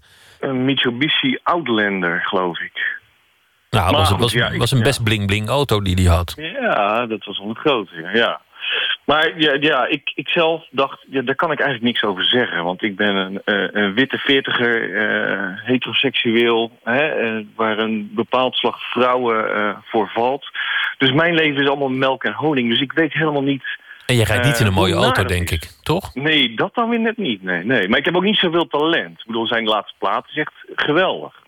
Ik vond, ik vond wel opmerkelijk dat die politieagent het gewoon zei. Vaak met racisme is, is het toch een soort vermoeden? Of, of is, het, is het dat iemand dat zo ervaart en dan heeft die ander dat wel zo bedoeld en was hij zich er mhm. bewust van? Maar, maar deze agent zei ja. Ik, ik zie een man met een donkere huidskleur en een, en een witte four-wheel drive. Ja, ja, stoppen. Ja, zo, zo, openlijk, dat, dat verbaasde mij eerlijk gezegd. Ja, nou ja, goed. Ja. Maar goed, ik denk dat het ergens wel goed is dat het nou net tyfoon was. Want uh, daardoor was het gewoon een andere zwarte jongen was. Hè? Dan, uh, dan was het niet zo'n big deal geweest. Dan was het niet in het nieuws gekomen en nou ja, dan had het doorgesudderd. Nu kan er misschien iets aan gebeuren. Ja, dat is ook weer waar. Aan de andere kant, Typhoon, ik weet niet of je hem wel eens, wel eens van dichtbij hebt mogen zien... maar dat, dat, is, dat is de laatste die je fiets zou jatten. Ja, Daar nee, zie ik nee, hem niet voor aan.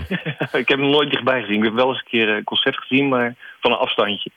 Nee hoor, dus, al zet je je fiets niet op slot en dan laat je je tas eraan hangen met, met je boodschappen er nog in en je portemonnee bovenop. Typhoon, die, die, daar heb je niks van te vrezen. Direct, hoor. Ja, want ik heb, vorig jaar heb ik toevallig zijn broer dan ontmoet. Nou, dat was een zeldzaam lieve jongen. Dus nou ja, als dit ook maar een beetje vergelijkbaar is in dezelfde familie, dan uh, ja, dat geloof ik je direct. Ja, hij is misschien zelfs te lief, maar dat is niet strafbaar. Dus. Nee. Goed, maar ik ben benieuwd waar je verhaal wel over gaat. Ja, ik dacht, dan ga ik het over iets hebben waar ik wel iets van weet, over slapen. Heerlijk. Slaap, kindjes, slaap. In de avond wil ik altijd nog snel van alles. Schrijven, muziek luisteren, een sitcom binge-watchen... op café gaan, lachen, vrijen, chips eten... om zo nog het maximale uit de dag te slepen. Een goede nachtrust staat garant voor maatschappelijk succes... beweert Ariana Huffington, de hoofdredacteur van de Huffington Post. Daarmee roept ze de slaaprevolutie uit. Ze zal vast een punt hebben. Het klinkt logisch dat wie goed uitgerust is, beter presteert. En ik wil haar graag geloven, zoals ik ook graag wil geloven dat rode wijn goed is voor je hart. En ik hou van slapen. Ik slaap het liefst de hele dag, maar dus niet in de avond. Wanneer de kinderen eenmaal in bed liggen, is het vaak al acht uur. Dan is het tijd voor mezelf. En met drie uurtjes neem ik geen genoegen. Ook al staan ze de volgende ochtend om zeven uur alweer naast mijn bed te springen. In de middeleeuwen sliepen we anders. Toen gingen we naar bed als het donker werd. En werden zo'n vier uur later weer wakker. Bleven we twee uur wakker om te praten, te vrijen of te bidden... en gingen we daarna weer vier uur slapen. Dit is allemaal veranderd door de industriële revolutie. Toen kwam de druk op de ketel. Toen werd de nadruk gelegd op presteren. Ik wil, net als Ariana Huffington, ook presteren. Ook succesvol zijn. Ik ben zo makkelijk beïnvloedbaar. Dus ik ga zomaar slapen. Dan kan ik er tenminste van dromen. Dromen over al die levens die ik nooit zal leiden. Al die levens waarin ik waarlijk mezelf en waarlijk vrij kan zijn. Heerlijk. Daniel, ik wens je heel veel eh, plezier bij het slapen. En graag weer tot morgen. Ja, dankjewel. Tot morgen. Dankjewel. Het gaat goed met de Nederlandse Dennis Princewell Steer, beter bekend als Mr. Props. Hij heeft ook succes in de Verenigde Staten. Gaat op tournee met Armin van Buren en heeft ook nog een soul-single uitgebracht vorige week. Fine as Mess.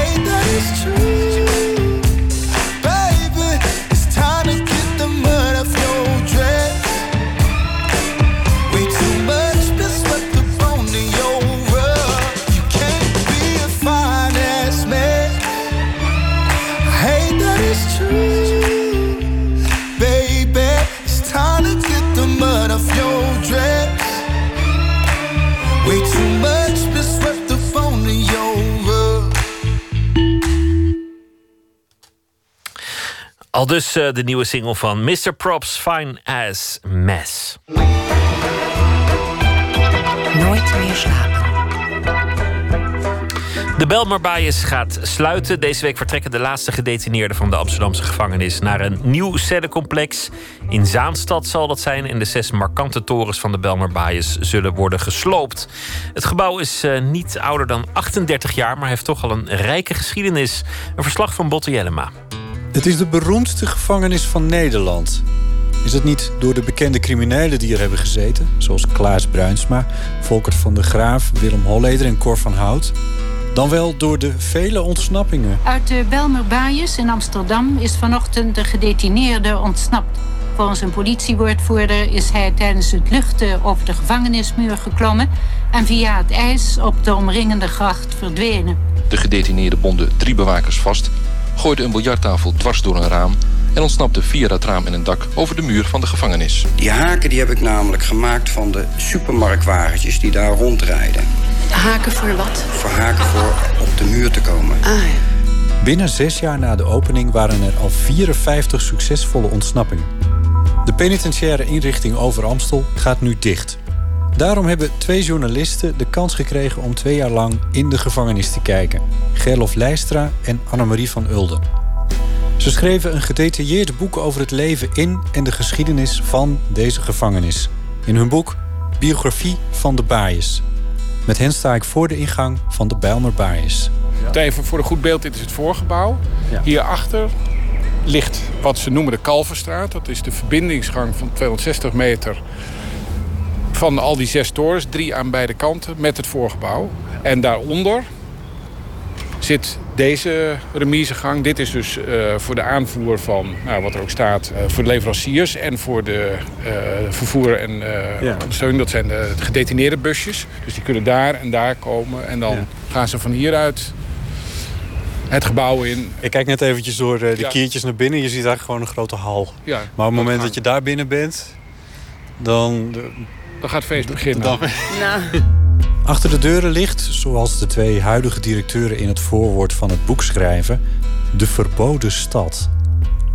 Als buitenstaander ben je enorm nieuwsgierig naar hoe het daar is, terwijl je er eigenlijk ook weer niet wil zijn. Dat maakte het voor mij in ieder geval zo'n leuk project. Ja. Ja. Om daar, is, om daar is onderdeel van mogen te zijn en zo'n lange tijd. Toen we hier in 2013 kwamen om het eh, verhaal voor te stellen, kregen een boek voor onze neus van een eh, journalist uit Friesland, Dorp achter de tralies. Dat ging over de Marwij in Leeuwarden. Toen hebben wij gezegd van ja, dat is een dorp achter de tralies. Dit is een wereldstad achter de tralies. Net zo goed als er in Amsterdam eh, eh, iets van 180 nationaliteiten voorkomen, vind je dat hier ook. Dus wij hebben gezegd, dit is niet een, een dorp achter de tralies, dit is niet een stad achter de tralies, dit is een wereldstad achter de tralies. met het is, van het alles is wat er gebeurt. als het ware een samenleving in een samenleving. Max Soordam. Hij is 89 jaar en was vanaf de opening in 1978 tot 1986 hoofdbewaarder in de Bijlmer Baaiers. Eh, ik kwam van de Havenstraat. was de eerste toren eh, dat eh, bewoond zou worden door eh, De gedetineerden. single, de single was de eerste. En wij moesten de spits hier afbijten. Juist. Ja. En dat was een, eh, een inkomstentoren. Ik moet even zeggen, want dat weet ik dan weer uit het boek... inkomsten, dat gaat niet over geld. Nee, nee, nee, nee, nee, absoluut niet. Nieuwkomers, ja. Gedetineerden, ja. En eh, zo is het hier van start gegaan. Ja. En later kwamen die andere, werden de andere torens bewoond. Eh, hier. Langzaam maar zeker. Jazeker. Dat was dus in 1978. In de jaren 70 was het idee ontstaan voor deze gevangenis... met een humanere benadering van gedetineerden. Dit gebouw is juist opgezet met de achtergrondliggende gedachte voor het eh resocialiseren. Juist. Dus eh, weer eh rijp maken om te participeren in die samenleving. Dat is dit, bouw, dit gebouw voor geweest. Dat is iets heel anders natuurlijk als de Havenstraat. Want daar heb ik gezegd, daar had je met een, een, een gedetineerde die kon niet met een ander praten. Ja. Zelfs een bewaarder mocht niet naar de cel om met een gedetineerde te praten. Dat was in die tijd keihard zo. In Amsterdam-Oost is het nieuwe huis van bewaring na een bouwtijd van vier jaar praktisch gereed. De huizen zijn ingedeeld in wat men leefeenheden noemt van twee verdiepingen... met ieder twaalf woonvertrekken. Het idee was geen muren. Er moest een heg om de gevangenis. Geen tralies, dat is ook gebeurd. Men spreekt daarom ook niet meer over cellen... zoals in de sterk verouderde huizen van bewaring... aan Kleine Gartmanplantsoen en Havenstraat... die nog uit de vorige eeuw dateren. Zelfs die verbindingsgangen, die Kalverstraat, 260 meter lang... verbinding tussen de zes torens en het hoofdgebouw... ja, dat moest een open straat worden met terrassen... waar gedetineerden gezellig met hun bezoek konden zitten praten... wat konden drinken. Het ontbrak er nog maar aan dat er een bierpop stond. Dit is de penitentiaire inrichting in Amsterdam. De plaats waar Herman Brood samen met zijn Wild Romance zometeen gaat optreden. Vind je het niet eng met, die, met al die deuren die eh, op slot gaan en zo? Nee. Nee? Doet het je niks? Ja, een beetje vreemd. Maar het is zo'n prachtige bij. Is dit het, eh, die man die dat uitgedacht heeft, die heeft er echt eh, over nagedacht. denk ik. De maatschappij veranderde. De criminaliteit veranderde. En de populatie in de gevangenis veranderde mee. Er kwamen internationale misdadigers, drugsbaronnen en plegers van zware geweldsmisdrijven. De Bijlmer Baaiers moest veranderen, al was het maar om de vele ontsnappingen te stoppen. Midden jaren 90 kwam er toch tralies voor de ramen. Meer hekken en prikkeldraad. De samenstelling van de populatie in de Bijlmer Baaiers veranderde dus. Gekleurder en gekker. Zo vatten Gerlof en Annemarie het in hun boek samen. Ja, we hebben veel op luchtplaatsen rondgelopen bij alle vier torens, eindeloos. En het is nou niet eh, in die zin eh, de doorsnee samenleving dat ze net zo goed in een kantoor zouden kunnen zitten. Het is hard gezegd, maar het is wel de onderkant van de samenleving die hier belandt. De slimmerikken blijven buiten de gevangenis. Die laten anderen het vuile werk opknappen. Dus wat je er hebt zitten zijn verslaafden, zijn alcoholisten, zijn mensen die het vanaf hun geboorte al niet meezat. Omdat ze in een eh, gezin zijn opgegroeid met veel geweld en, en misbruik. Het zijn eh, mensen met een lage IQ. Eh, dat zie je ook bij de, de top 600 jongens. Het gemiddelde IQ is daar 80. Nou, dat, dan heb je het niet over Einstein. De oud-directeur van de eerste tijd zei vorig jaar in een uitzending van Andere Tijden dat ze zich misschien toch wat vergist hadden. De hardheid van de criminaliteit, de drugsverslavingen, het past niet meer bij het ideaal uit de jaren 70. De top 600 zat hier de laatste jaren. De 600 plegers van high-impact delicten in Amsterdam, zoals woninginbraken, straatroven en overvallen. Allemaal jonge mannen. Daar liep Annemarie van Ulde tussen rond. Daar was het aan het begin wel even zoeken en aftasten van hè, wat, eh, eh, hoe ga ik daarmee om? Want sommigen vonden, eh, nou ja, dat ging een beetje giechelen of een beetje over me praten of weet ik het. Aan het begin dacht ik ook, misschien nemen ze me niet helemaal serieus. Weet je wel, want eh, ja, misschien denken ze, joh, die, die le- leiden wel even om de tuin. Maar dat maakt dit project zo mooi, omdat het- dat we zo lang rond hebben gelopen, kan je ook iets opbouwen met mensen. En ze zien je weer en nog een keer en nog een keer. En op een gegeven moment gaan ze je wel vertrouwen. En dan weten ze ook wel van, nou, ik kan wel het een en ander aan haar vertellen. Dat was ook het leuke. De eerste, keer- ik, ik zal het nooit vergeten. De eerste keer dat Annemarie meeging... Ik ben zelf vanwege mijn werk eh, als misdaadverslaggever vaak in gevangenis geweest. De eerste keer zaten we op een arbeidszaal. Plotseling voor Annemarie tussen een stuk of twintig zware jongens. En er zat er één... eh, nou, dat was Popeye in het kwadraat. Hè. Dat t-shirt stond helemaal strak. Zulke armen, tattoos over zijn hele... En een woeste uitstraling. En ik zag Annemarie echt kijken. Waar ben ik hier beland? Wat, dacht je? Wat dacht je? Nou, ik vond die man echt heel eng. En dat was niet alleen zijn voorkomen, maar dat was vooral de blik in zijn ogen. Want hij zei niet veel, hij keek alleen een beetje. Ehm, en hij was dus heel groot. En ik, ik vond het gewoon een, een, ja, gewoon een enge man. Ik kreeg een naar gevoel bij hem. En moet je je voorstellen dat er dus twee medewerkers zijn op, nou ja, tussen de 10 en de 20 eh, gedetineerden. Maar die gedetineerden hebben allemaal ook gereedschappen zo in hun handen. Dus ik zag een soort van beest met een Stanley mes in zijn hand. Daar los rondlopen. Midden in de Bijlmer Baaiers? Midden in de. En ik liep daar en toen dacht ik inderdaad, het was een van de eerste weken. Toen dacht ik inderdaad even, waar ben ik aan begonnen? En toen ben ik dus bij, de, bij het personeel even in die ruimte gaan staan. En heb ik even nagedacht van, eh, oké.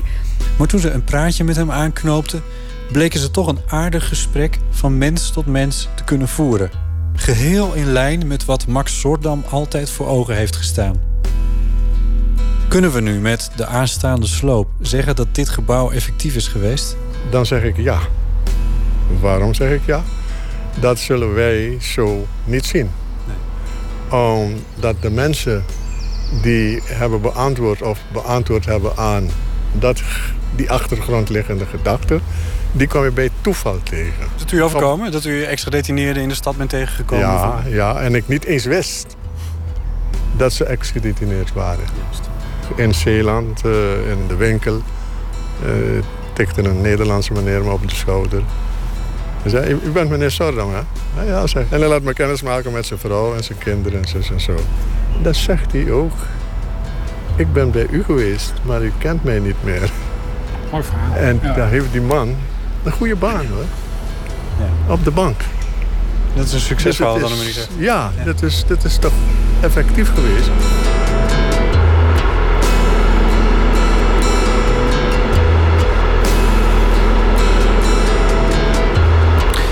Soordam, oud-hoofdbewaarder van de Belmer samen met schrijvers Gerlof Leistra en Annemarie van Ulden. Ze maakte het boek Biografie van de Baaiers over de penitentiaire inrichting over Amstel te Amsterdam. Beter bekend als de Belmer Baaiers. En de gevangenis zal sluiten. Het gebouw wordt voorlopig nog eh, gebruikt om eh, vluchtelingen en asielzoekers op te vangen. Maar zal uiteindelijk worden gesloopt. Een bijdrage van Botte Jellema met dank aan het programma Andere Tijden. Natuurlijk eh, kwam ook hij uit een gehucht in Mississippi. Sonny Boy Williams, bluesmuzikant. Werkzaam tijdens de jaren 30 van de vorige eeuw. Toen begon hij met optreden. In de jaren 50 heeft hij zijn eerste opnames gemaakt. Zijn eerste single uitgebracht. En uiteindelijk werd hij een van de gezichtsbepalende muzikanten van het Chess Label. In 1963 kwam er daar dit nummer uit. En dat was gebaseerd op het stuk Green Onions van Booker T. De titel is Help Me.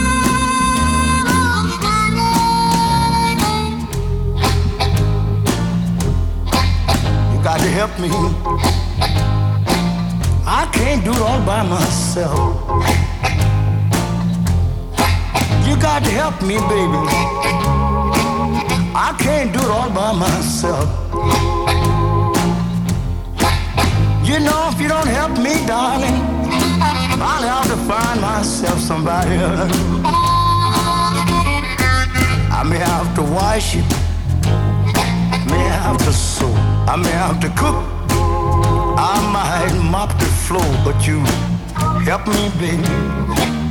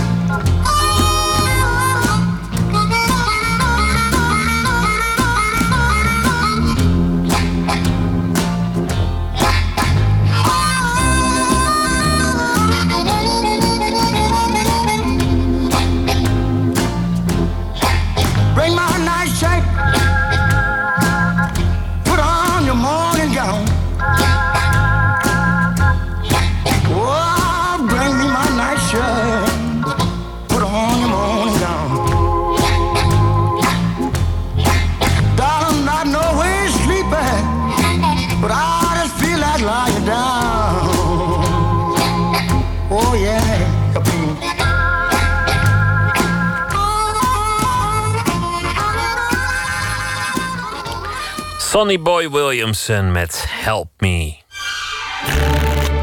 Open kaart.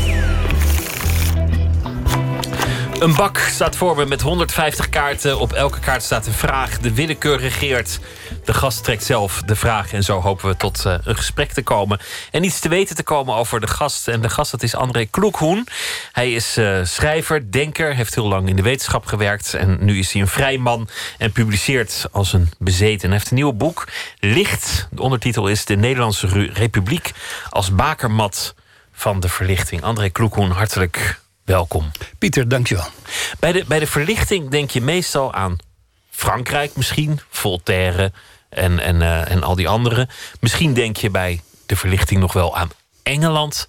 Maar Nederland en de verlichting, dat, dat is eigenlijk iets dat je meestal niet hoort. Je denkt ook vaak, hoor je vaak Duitsland, Goethe natuurlijk. hè. Ook, ja. En Nederland hoor je eigenlijk nooit iets over. Er zijn zelfs twee Nederlandse filosofen geweest die er ooit over geschreven hebben en gezegd hebben: Nederland en de verlichting, dat is net zoiets als de, de, de, de wijncultuur boven de Boerdijk. Kortom, dat stelt helemaal niks voor. En het laatste boek, eh, zijn naam even kwijt, die, die, die zegt: De verlichting, dat is Duitsland, Frankrijk, Engeland. En die noemt Nederland niet eens in zijn eigen boek. Terwijl volgens de meest recente inzichten Nederland de bakermat van de verlichting is. En je Daar is het het- begonnen. Je plaatst het dan ook iets eerder dan, dan wat traditioneel wordt aangeduid als de verlichting, als je het gewoon leert in je eh, basisopleiding geschiedenis. Jij gaat een, een stukje terug, de 17e eeuw in. Waarom zeg je hier in, in die republiek werd de verlichting geboren? Nou, je, je moet ergens je het verhaal aan ophangen natuurlijk. En wat, wat gebeurde er eh, als belangrijkste gebeurtenis? Dat was dat Descartes hier zijn filosofie ontwikkelde. De eerste verlichte filosoof. En hij was de voorloper van onze Spinoza. Dat waren de verlichtingsdenkers. En die zitten toch wel een tijdje voor Voltaire en Rousseau in Frankrijk. Dat soort dingen. Dus ze waren eerst. En als je dan ook nog zegt dat Descartes en Spinoza hun ideeën baseerden op, op wetenschappelijke ontwikkelingen uit die tijd. Dus de ideeën van eh, Galilei en Kepler bijvoorbeeld. Dan kom je toch terecht bij de telescoop en de microscoop. Dat zijn de instrumenten waarbij het allemaal is begonnen. En dat zijn Nederlandse uitvindingen. De telescoop is uitgevonden door Jan Lippershey. En de microscoop ook in die tijd allemaal in Zeeland. En de grote telescopisten en microscopisten zaten dus echt hier. Met een uitzondering van Galilei. Galilei werd vervolgd. Descartes die, eh, die ging er vandoor. Die ging niet voor niks naar, naar de Republiek toe. Hij dacht, hier kan ik wat rustiger werken. Hij aarzelde, moet ik dit grote werk nou publiceren? Hij, hij doorzag de gevolgen ervan. Er is vaak op gespeculeerd waarom nou net in die, in die Republiek... die toch wat malle constructie, een land zonder koning... een, een land waar niemand echt de baas is... waarom daar de schilderkunst bijvoorbeeld tot zo'n hoogte kon, kon gaan... wa- waardoor de economie daar zo gigantisch kon floreren... waarom zo'n klein landje ineens een koloniaal wereldrijk kon veroveren. En nu ligt er ook de vraag... hoe kon, hoe kon zo'n landje ineens een bakermat zijn voor verlichting? Nou ja, daar ga je, kan je over nadenken. En het is een. eh, meestal wordt er gezegd: het is zo'n gecompliceerd verhaal. Daar kom je niet echt uit hoe het nou precies zit. Maar je kan toch altijd wel iets vinden. En dat, eh, en dat is. eh, voor die telescopen en die microscopen, die volgens mij echt aan de basis liggen van de verlichting. Je moet je voorstellen dat tot die tijd de mensen kenden hun natuurlijke omgeving. Dat was wat ze, wat, wat ze wisten. En door de telescoop en de microscoop zijn echt het universum opengegaan. En is het de microwereld opengegaan. Dus er kwamen werelden bij. En dat is gedaan door de ontwikkeling van die optische instrumenten. En wat heb je daarvoor nodig? Daar heb je dus glas voor nodig. En dat glas is meestal het probleem, want het is, dat moet je maken. En het is, als je de enige paar lenzen ziet die uit die tijd over zijn gebleven, van Galilei bijvoorbeeld, dan denk je, hoe kan die man daar iets door gezien hebben? Een bruin stukje materiaal met barsten erin en vlekken erin. Hij, maar hij heeft er doorheen gekeken, maar je begrijpt best dat, je daar weinig door zag. En hier in Nederland, met name in Zeeland, hadden we een glasindustrie die prachtig helder glas kon maken, waar je schitterende lenzen van kan slijpen. En daar zagen dus de mensen opeens van alles door. En de meeste grote wetenschappers waren naast wetenschapper ook soort van instrumentenmaker. eh, van ja, waren allemaal, ja, zowel Huygens, als. Descartes als Spinoza. Dat waren lensenslijpers. Die waren met telescopen en microscopen bezig. Al dus een introductie eh, op het boek, licht. Maar eh, we zijn hier ook op wat willekeurige vragen er doorheen te jassen. Ik wil je vragen om een van deze kaarten te trekken. Liefst ergens halverwege, want dat schudden is niet mijn sterkste punt. Dan neem ik deze. En dan moet ik hem ook even lezen wat, er, wat erop staat. Ja. Wat is de mooiste reis die je gemaakt hebt? Dat is de vraag. Ja. Nou, dan heb je... Ja, ik ben... eh, ik reis tegenwoordig helemaal niet meer, want ik heb alles gezien. Alles? Voor, voor mijn gevoel. Ik, Ja. ik, ik, ik heb geen zin meer om weg te gaan. Dan denk je, oh, dan heb je weer van die bergen. En van die... Dus dat boeit me niet meer. Ik blijf liever thuis om te schrijven. Maar ja, ik heb een keuze uit. Ik heb dus, nou ja, drie jaar geleden een roman geschreven. Die heette De, reis naar, de Trip naar het Morgenland. Dat ik met een Amsterdamse hippie-commune. op een oude botter die we hadden aangeschaft. van, de, van het IJsselmeer binnendoor Zeeuwse wateren. eh, Kanaal du Nord, Rhône, de Middellandse Zee in zijn gevaren. En daar als commune hebben geleefd en rondgevaren. En dat was natuurlijk exceptioneel. Het was zo'n geweldige tijd. hè. Ongeveer twee jaar heeft het geduurd, het verhaal. Dus En, mijn- en mijn hippie iedereen in, wisselende combinaties werd verliefd op elkaar, kreeg relaties met elkaar. Het was eh, Ja. sociaal ingewikkeld. In het begin was dat helemaal niet zo. Het was voorkomen helder. Er waren stelletjes. Maar als je met z'n veertienen waren we toen... in zo'n kajuit van een botter woont... onderweg, en je komt er dus ook niet vanaf... want je zit op kanalen en meren en rivieren zit dus binnen... Dan, dan wordt het natuurlijk broeierig. Dat kan haast niet anders. Dus het is wel relationeel gesproken totaal uit de hand gelopen, ja. Ik kan me het boek goed herinneren. Ik, ik weet ook nog de, de platjes die op een zeker ogenblik in de, Ja. in de gemeenschap Ja, geïntro- ja. geïntroduceerd werden. Ja, ja dat was een, een geweldige reis. Maar mijn- de meest indrukwekkende was eigenlijk voor het, voor het eerst mijn allereerste reis met mijn geliefde. En dat ik in een bestel eend eh, Denemarken doorreed en met, op een boot stapte en daar aankwam in Noorwegen. En dat is een sprookjesland. Als je daar uit Nederland daar aankomt en je ziet daar die bossen en die rotspartijen en die bemoste bomen en die meren met daar die landtongen in en daar die en je, je kan daar je tentje gewoon neerzetten. En is, nou ik was werkelijk adem. Ik dacht hoe is dit mogelijk? Het Wel- welk jaar was dat? dat was het moet in 1954 66 geweest zijn in die tijd. Laten we nog een kaart eh, trekken. nog nog eens ja. oké. Opstreeks diezelfde. Ben je goed in je week is de vraag ja Ja. Ja. Ja, na zoveel jaar kun je dat gewoon wel zeggen. Ja, ja, ja, ja, ja. Nou, ik heb een paar dingen die ik uit mijn werk heb gegeven. Ik heb college gegeven. Ik heb gestudeerd aan de, aan de Universiteit van Amsterdam. En daar was ik goed in. Daar heb, je een criterium voor. Van ben je op, die, op je basis van je onderzoek eh, ooit gepubliceerd in een toonaangevend tijdschrift? Jazeker. Dus ik, als een van de weinigen van mijn vakgroep. Kan ik me nog heel goed herinneren. Ik heb college gegeven en mijn studenten vonden mij een goede docent. Ik vond het ook altijd ontzettend leuk om dat te doen. Dus doseren is zo verschrikkelijk leuk. En ik ben natuurlijk, zou je kunnen zeggen, schrijver, schrijver geworden aan het eind van leven. En eh, daar ben ik eh, zelf ook tevreden over. Wel, wat daar, weet je, ja, dat heb je niet zelf in de hand, hè? Maar eigenlijk vind je jezelf goed. Ja, Maar, ik, dat- ik, bij mij is dat meer de, de, de vertwijfeling in, in, in je werk. Van ja, wat, wat, wat is nou uiteindelijk je werk geworden? Want, want je was nooit heel trouw aan een vakgroep of een vakgebied of, of aan, een, aan een leeropdracht. Je- Nee. Je, volgde toch je eigen interesses altijd. altijd mijn eigen interesses en die waren zo breed mogelijk. En ik heb ooit van het college van bestuur van de Universiteit Utrecht, wat je er ook over kan zeggen voor slechte dingen, maar ze hebben me ooit de opdracht gegeven: maak nou eens een studieonderdeel dat goed, die goed is voor waar alle studenten iets aan hebben. Letterenstudenten en ook natuurkundestudenten en rechtenstudenten, medicijnenstudenten. En toen mocht ik dus een collegeserie maken die zo breed mogelijk studenten voor moest bereiden op hun maatschappelijke leven. En dat is dus een, eh, een buitengewoon interessant. En daar is ook het grote boek uit voortgekomen. Als je- De geschiedenis van het de geschiedenis westers denken. van het westerse denken, ja. ja, ja dat is daar het eh, de, de, de resultaat van geweest. Dat is ook, was ook het college dictaat voor de studenten. Een hele dikke pil. Ik ben er nog steeds mee bezig na al die jaren. Het, eh, nou ja, dat moet je ook niet in één keer Nee, achterover maar ik slaan. lees er zelf ook nog wel eens in. En dan kom ik ook over dingen tegen dat ik zeg: van, Oh ja, heb ik dat? Ja. Dat ik zelf niet meer weet eens dat ik dat er ook in heb gezet. Dan kom ik dat met verrassing interessante stukken tegen. Laten we nog een kaart eh, bekijken.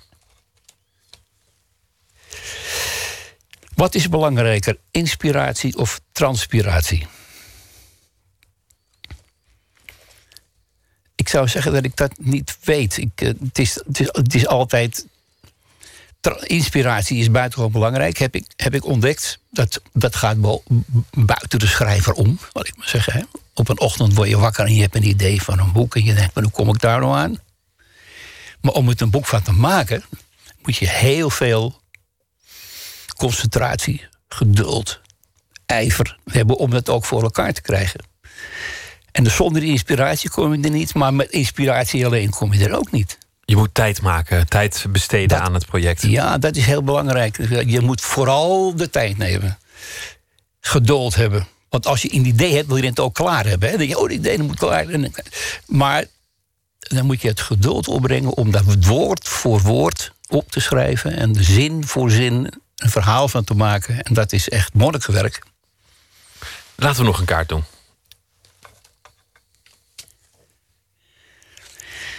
Bij wie ben je in de leer geweest?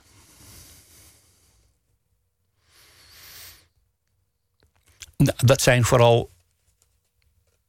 In mijn latere leven zijn het filosofen geweest die ik heb gelezen. En mijn gro- mijn grote voorbeelden in de filosofie. Dus kan ik er zo drie noemen: Eh, eh, Michel de Montaigne.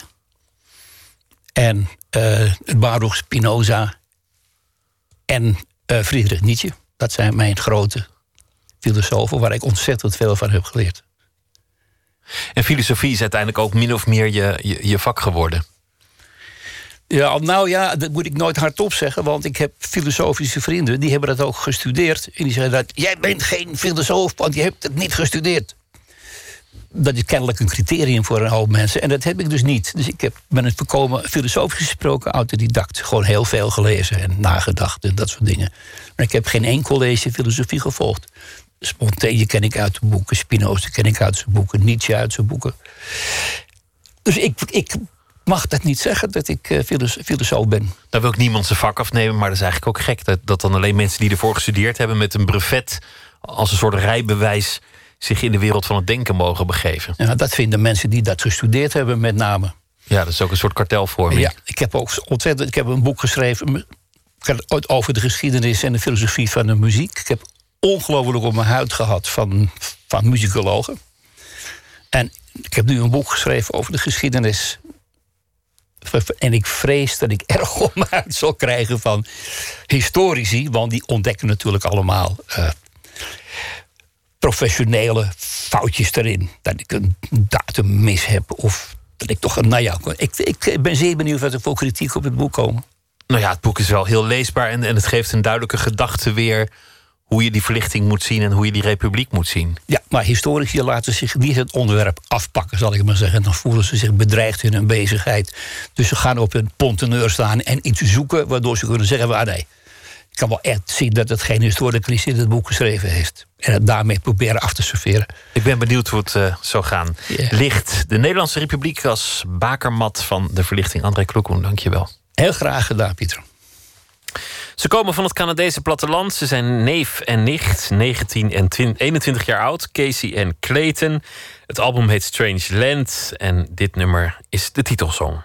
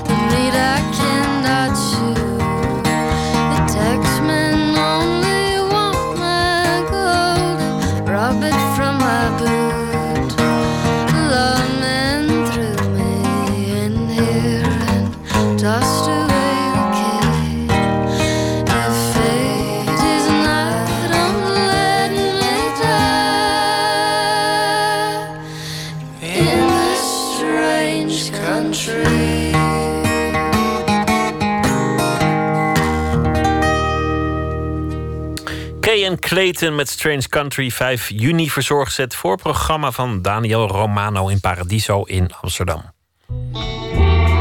Nooit meer slapen.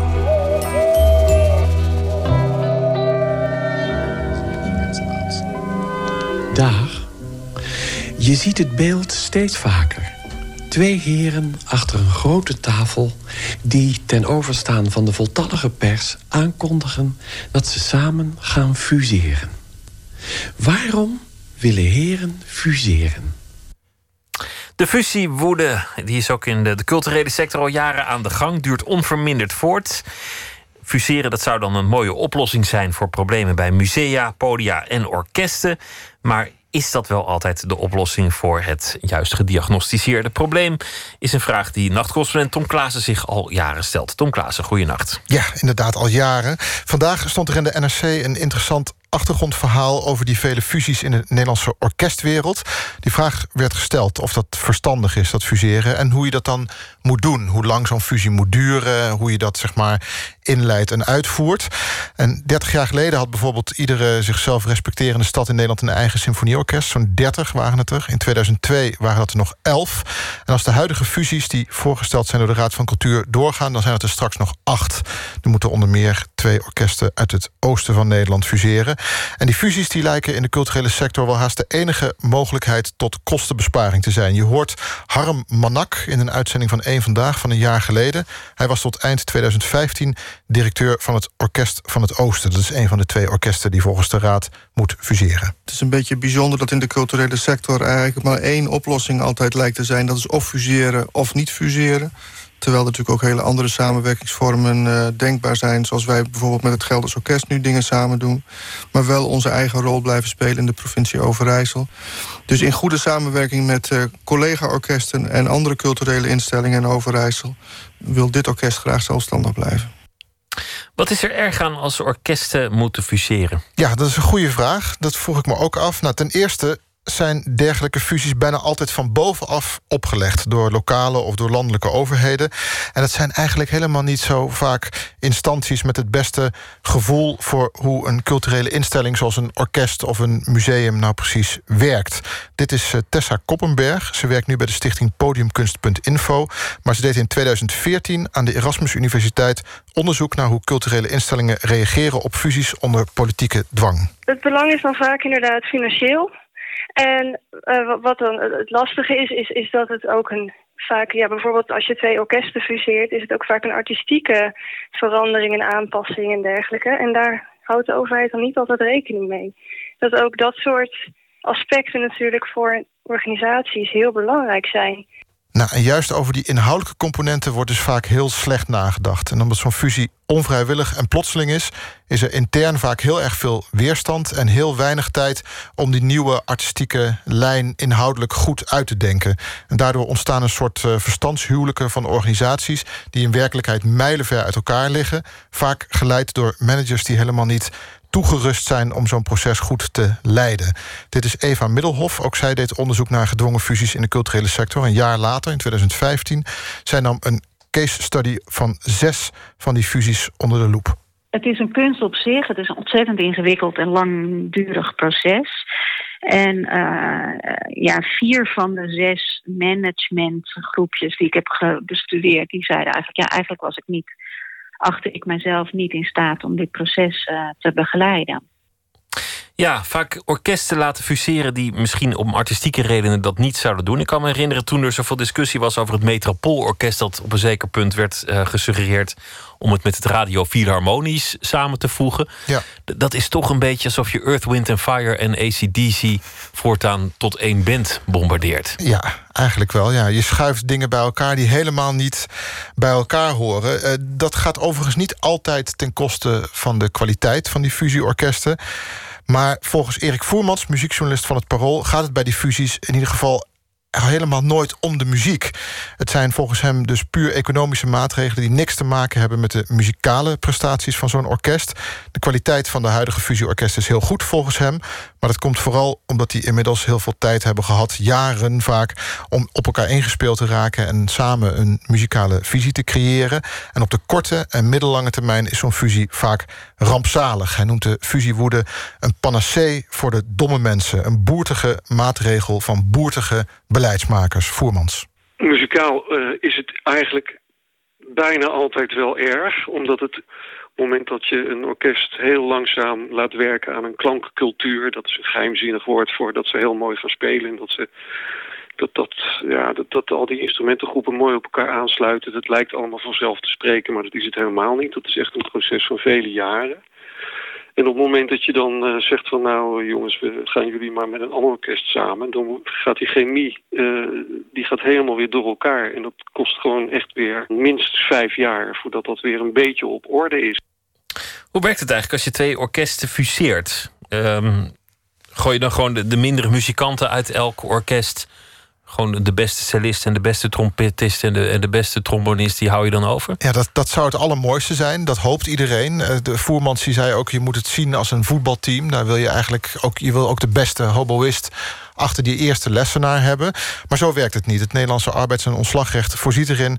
dat niet per se de beste orkestleden blijven zitten bij zo'n fusie. Ook hier gelden alle simpele formele regels... van dienstverband en anciëniteit en spreiding en eh, eh, geslachten en dat soort dingen. En een fusie zorgt dus niet per definitie voor een beter orkest. Voermans noemt als voorbeeld het Nederlands Philharmonisch Orkest... ontstaan uit een fusie in 1985. En dat was jarenlang volgens hem een zwalkend orkest. Daar zou Edo de Waard dan de nieuwe dirigent van worden. Totdat hij horen. En die dacht, ah, dan kan ik dus de beste mensen uit al die, al die drie orkesten bij elkaar samenvoegen. Nou, dan, eh, daar heb ik wel zin in. Dan kunnen we wel een soort eh, superteam maken. Maar zo bleek het in de praktijk helemaal niet te gaan. Het ging dan meer om eh, hoe lang zit Pietje en Jantje er al. En de last in, first out-achtige constructies. Dus dat was helemaal niet wat hij in zijn hoofd had. Dus toen zei hij ook, nou sorry, op deze voorwaarden ga ik dat dus gewoon helemaal niet doen. Want dan duurt het helemaal een mensenleven voordat ik het een beetje op orde heb. Als ik dit allemaal zo hoor, zwalkende orkesten, onduidelijk beleid, ontevreden dirigenten en orkestleden, dan zou ik zeggen een ander plan. Stoppen met fuseren. Ja, er zijn eh, gelukkig eh, alternatieven genoeg. Eh, volgens Tessa Koppenberg, die je daar straks al hoorde... zijn er zeker betere alternatieven. Haar collega's en zij eh, deden dat onderzoek... en daar kwam uit naar voren dat de joint venture... veruit de beste samenwerkingsvorm in de cultuursector is. Je voegt de financiële administratie, de huisvesting, de ICT... allemaal van dat soort diensten samen achter één voordeur... maar de individuele artistieke lijn blijft. Dus organisaties behouden zo hun artistieke identiteit... maar kunnen wel grote kostenbesparende maatregelen nemen. En er kan stap voor stap rustig aan bepaald worden... wat wel en niet werkt. Hoor je ook wel eens dat Nederland te veel orkesten heeft? Is, is, dat, is dat een terecht verwijt? Ja, je, je hoort het, het. Het is maar hoe je ernaar kijkt. Je zou ook inderdaad kunnen zeggen... moet in zo'n klein landje van 16 miljoen inwoners... iedere provincie per se een symfonieorkest hebben. Eh, en tegenstanders zullen zeggen eh, nee... en voorstanders zullen zeggen ja. Want er is ook natuurlijk een bepaalde mate van culturele verarming... aan de gang als je het afschaft. Maar ja, koop een bus en, en, en, en rij een uurtje, toch?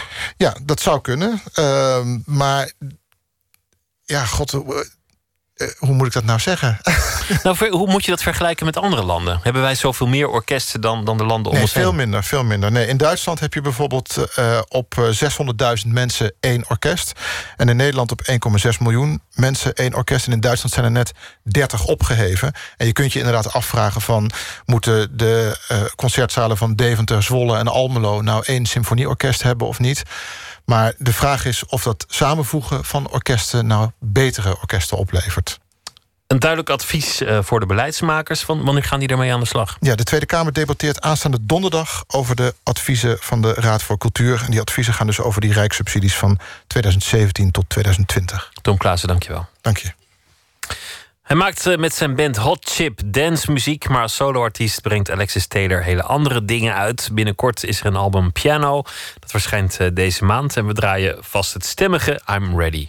Don't you know I'm ready?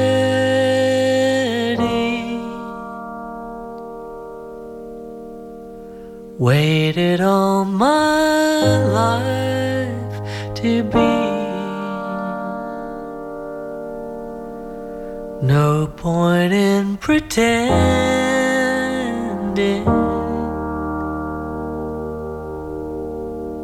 No one I'm protecting.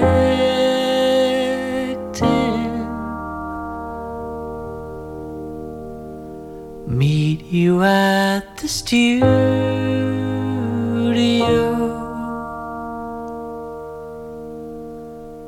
Show you how the notes could go. Make ourselves a document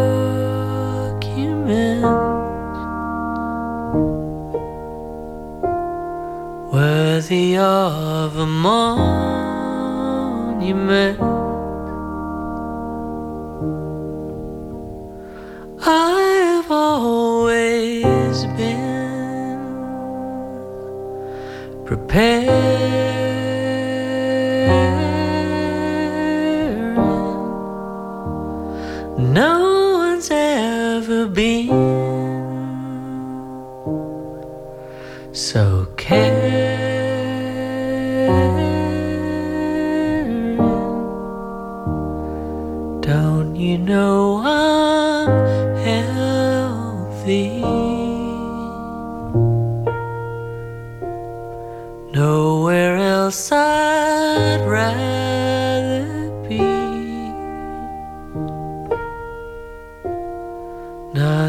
To protect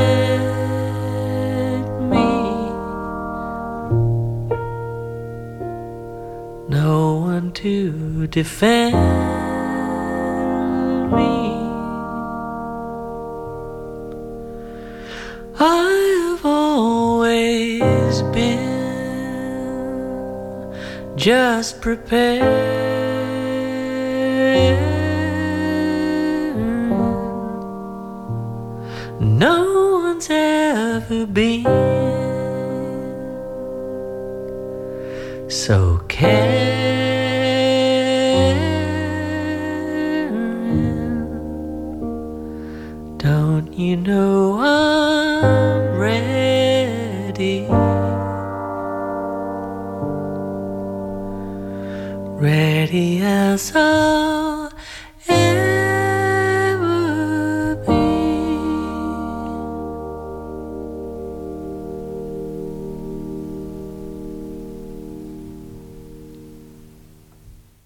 Van zijn eh, nieuwe album Piano, het nummer I'm Ready van Alexis Taylor.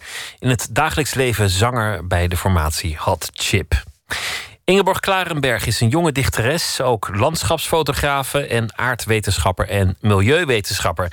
Deze week zal ze elke nacht een gedicht uitkiezen en voordragen en daarmee de menigte de nacht insturen. Ze heeft gekozen voor een gedicht van Lieke Marsman met de titel Poëzie.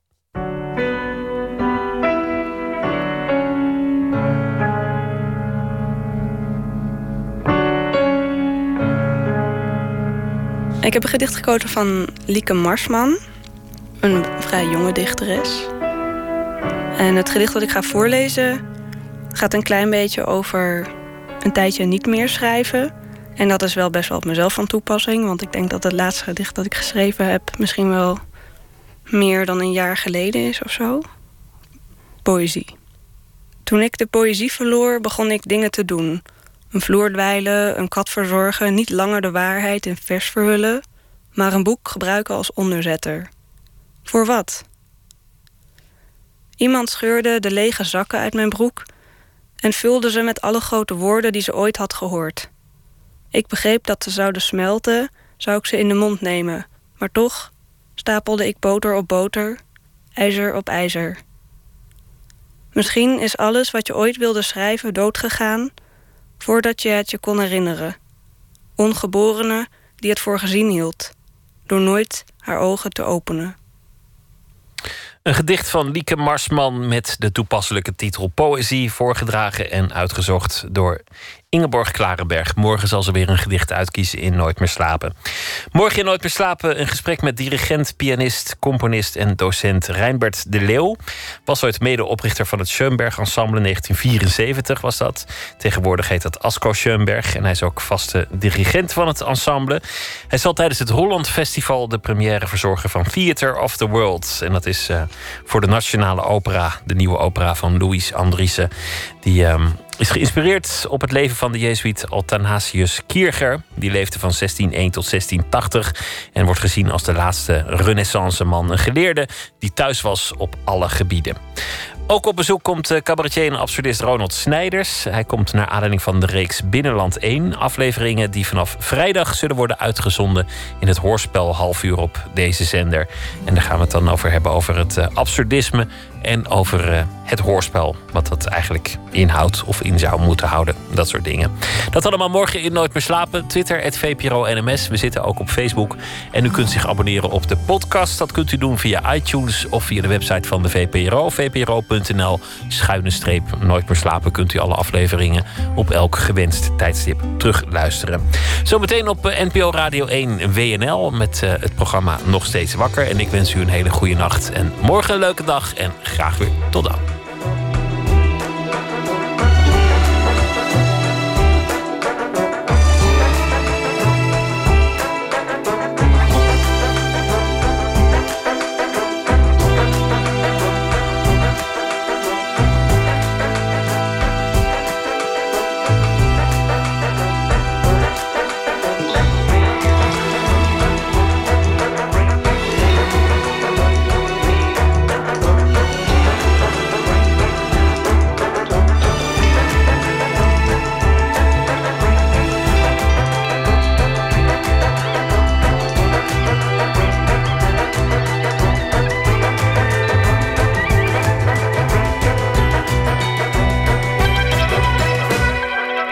Radio 1. Het nieuws van alle kanten.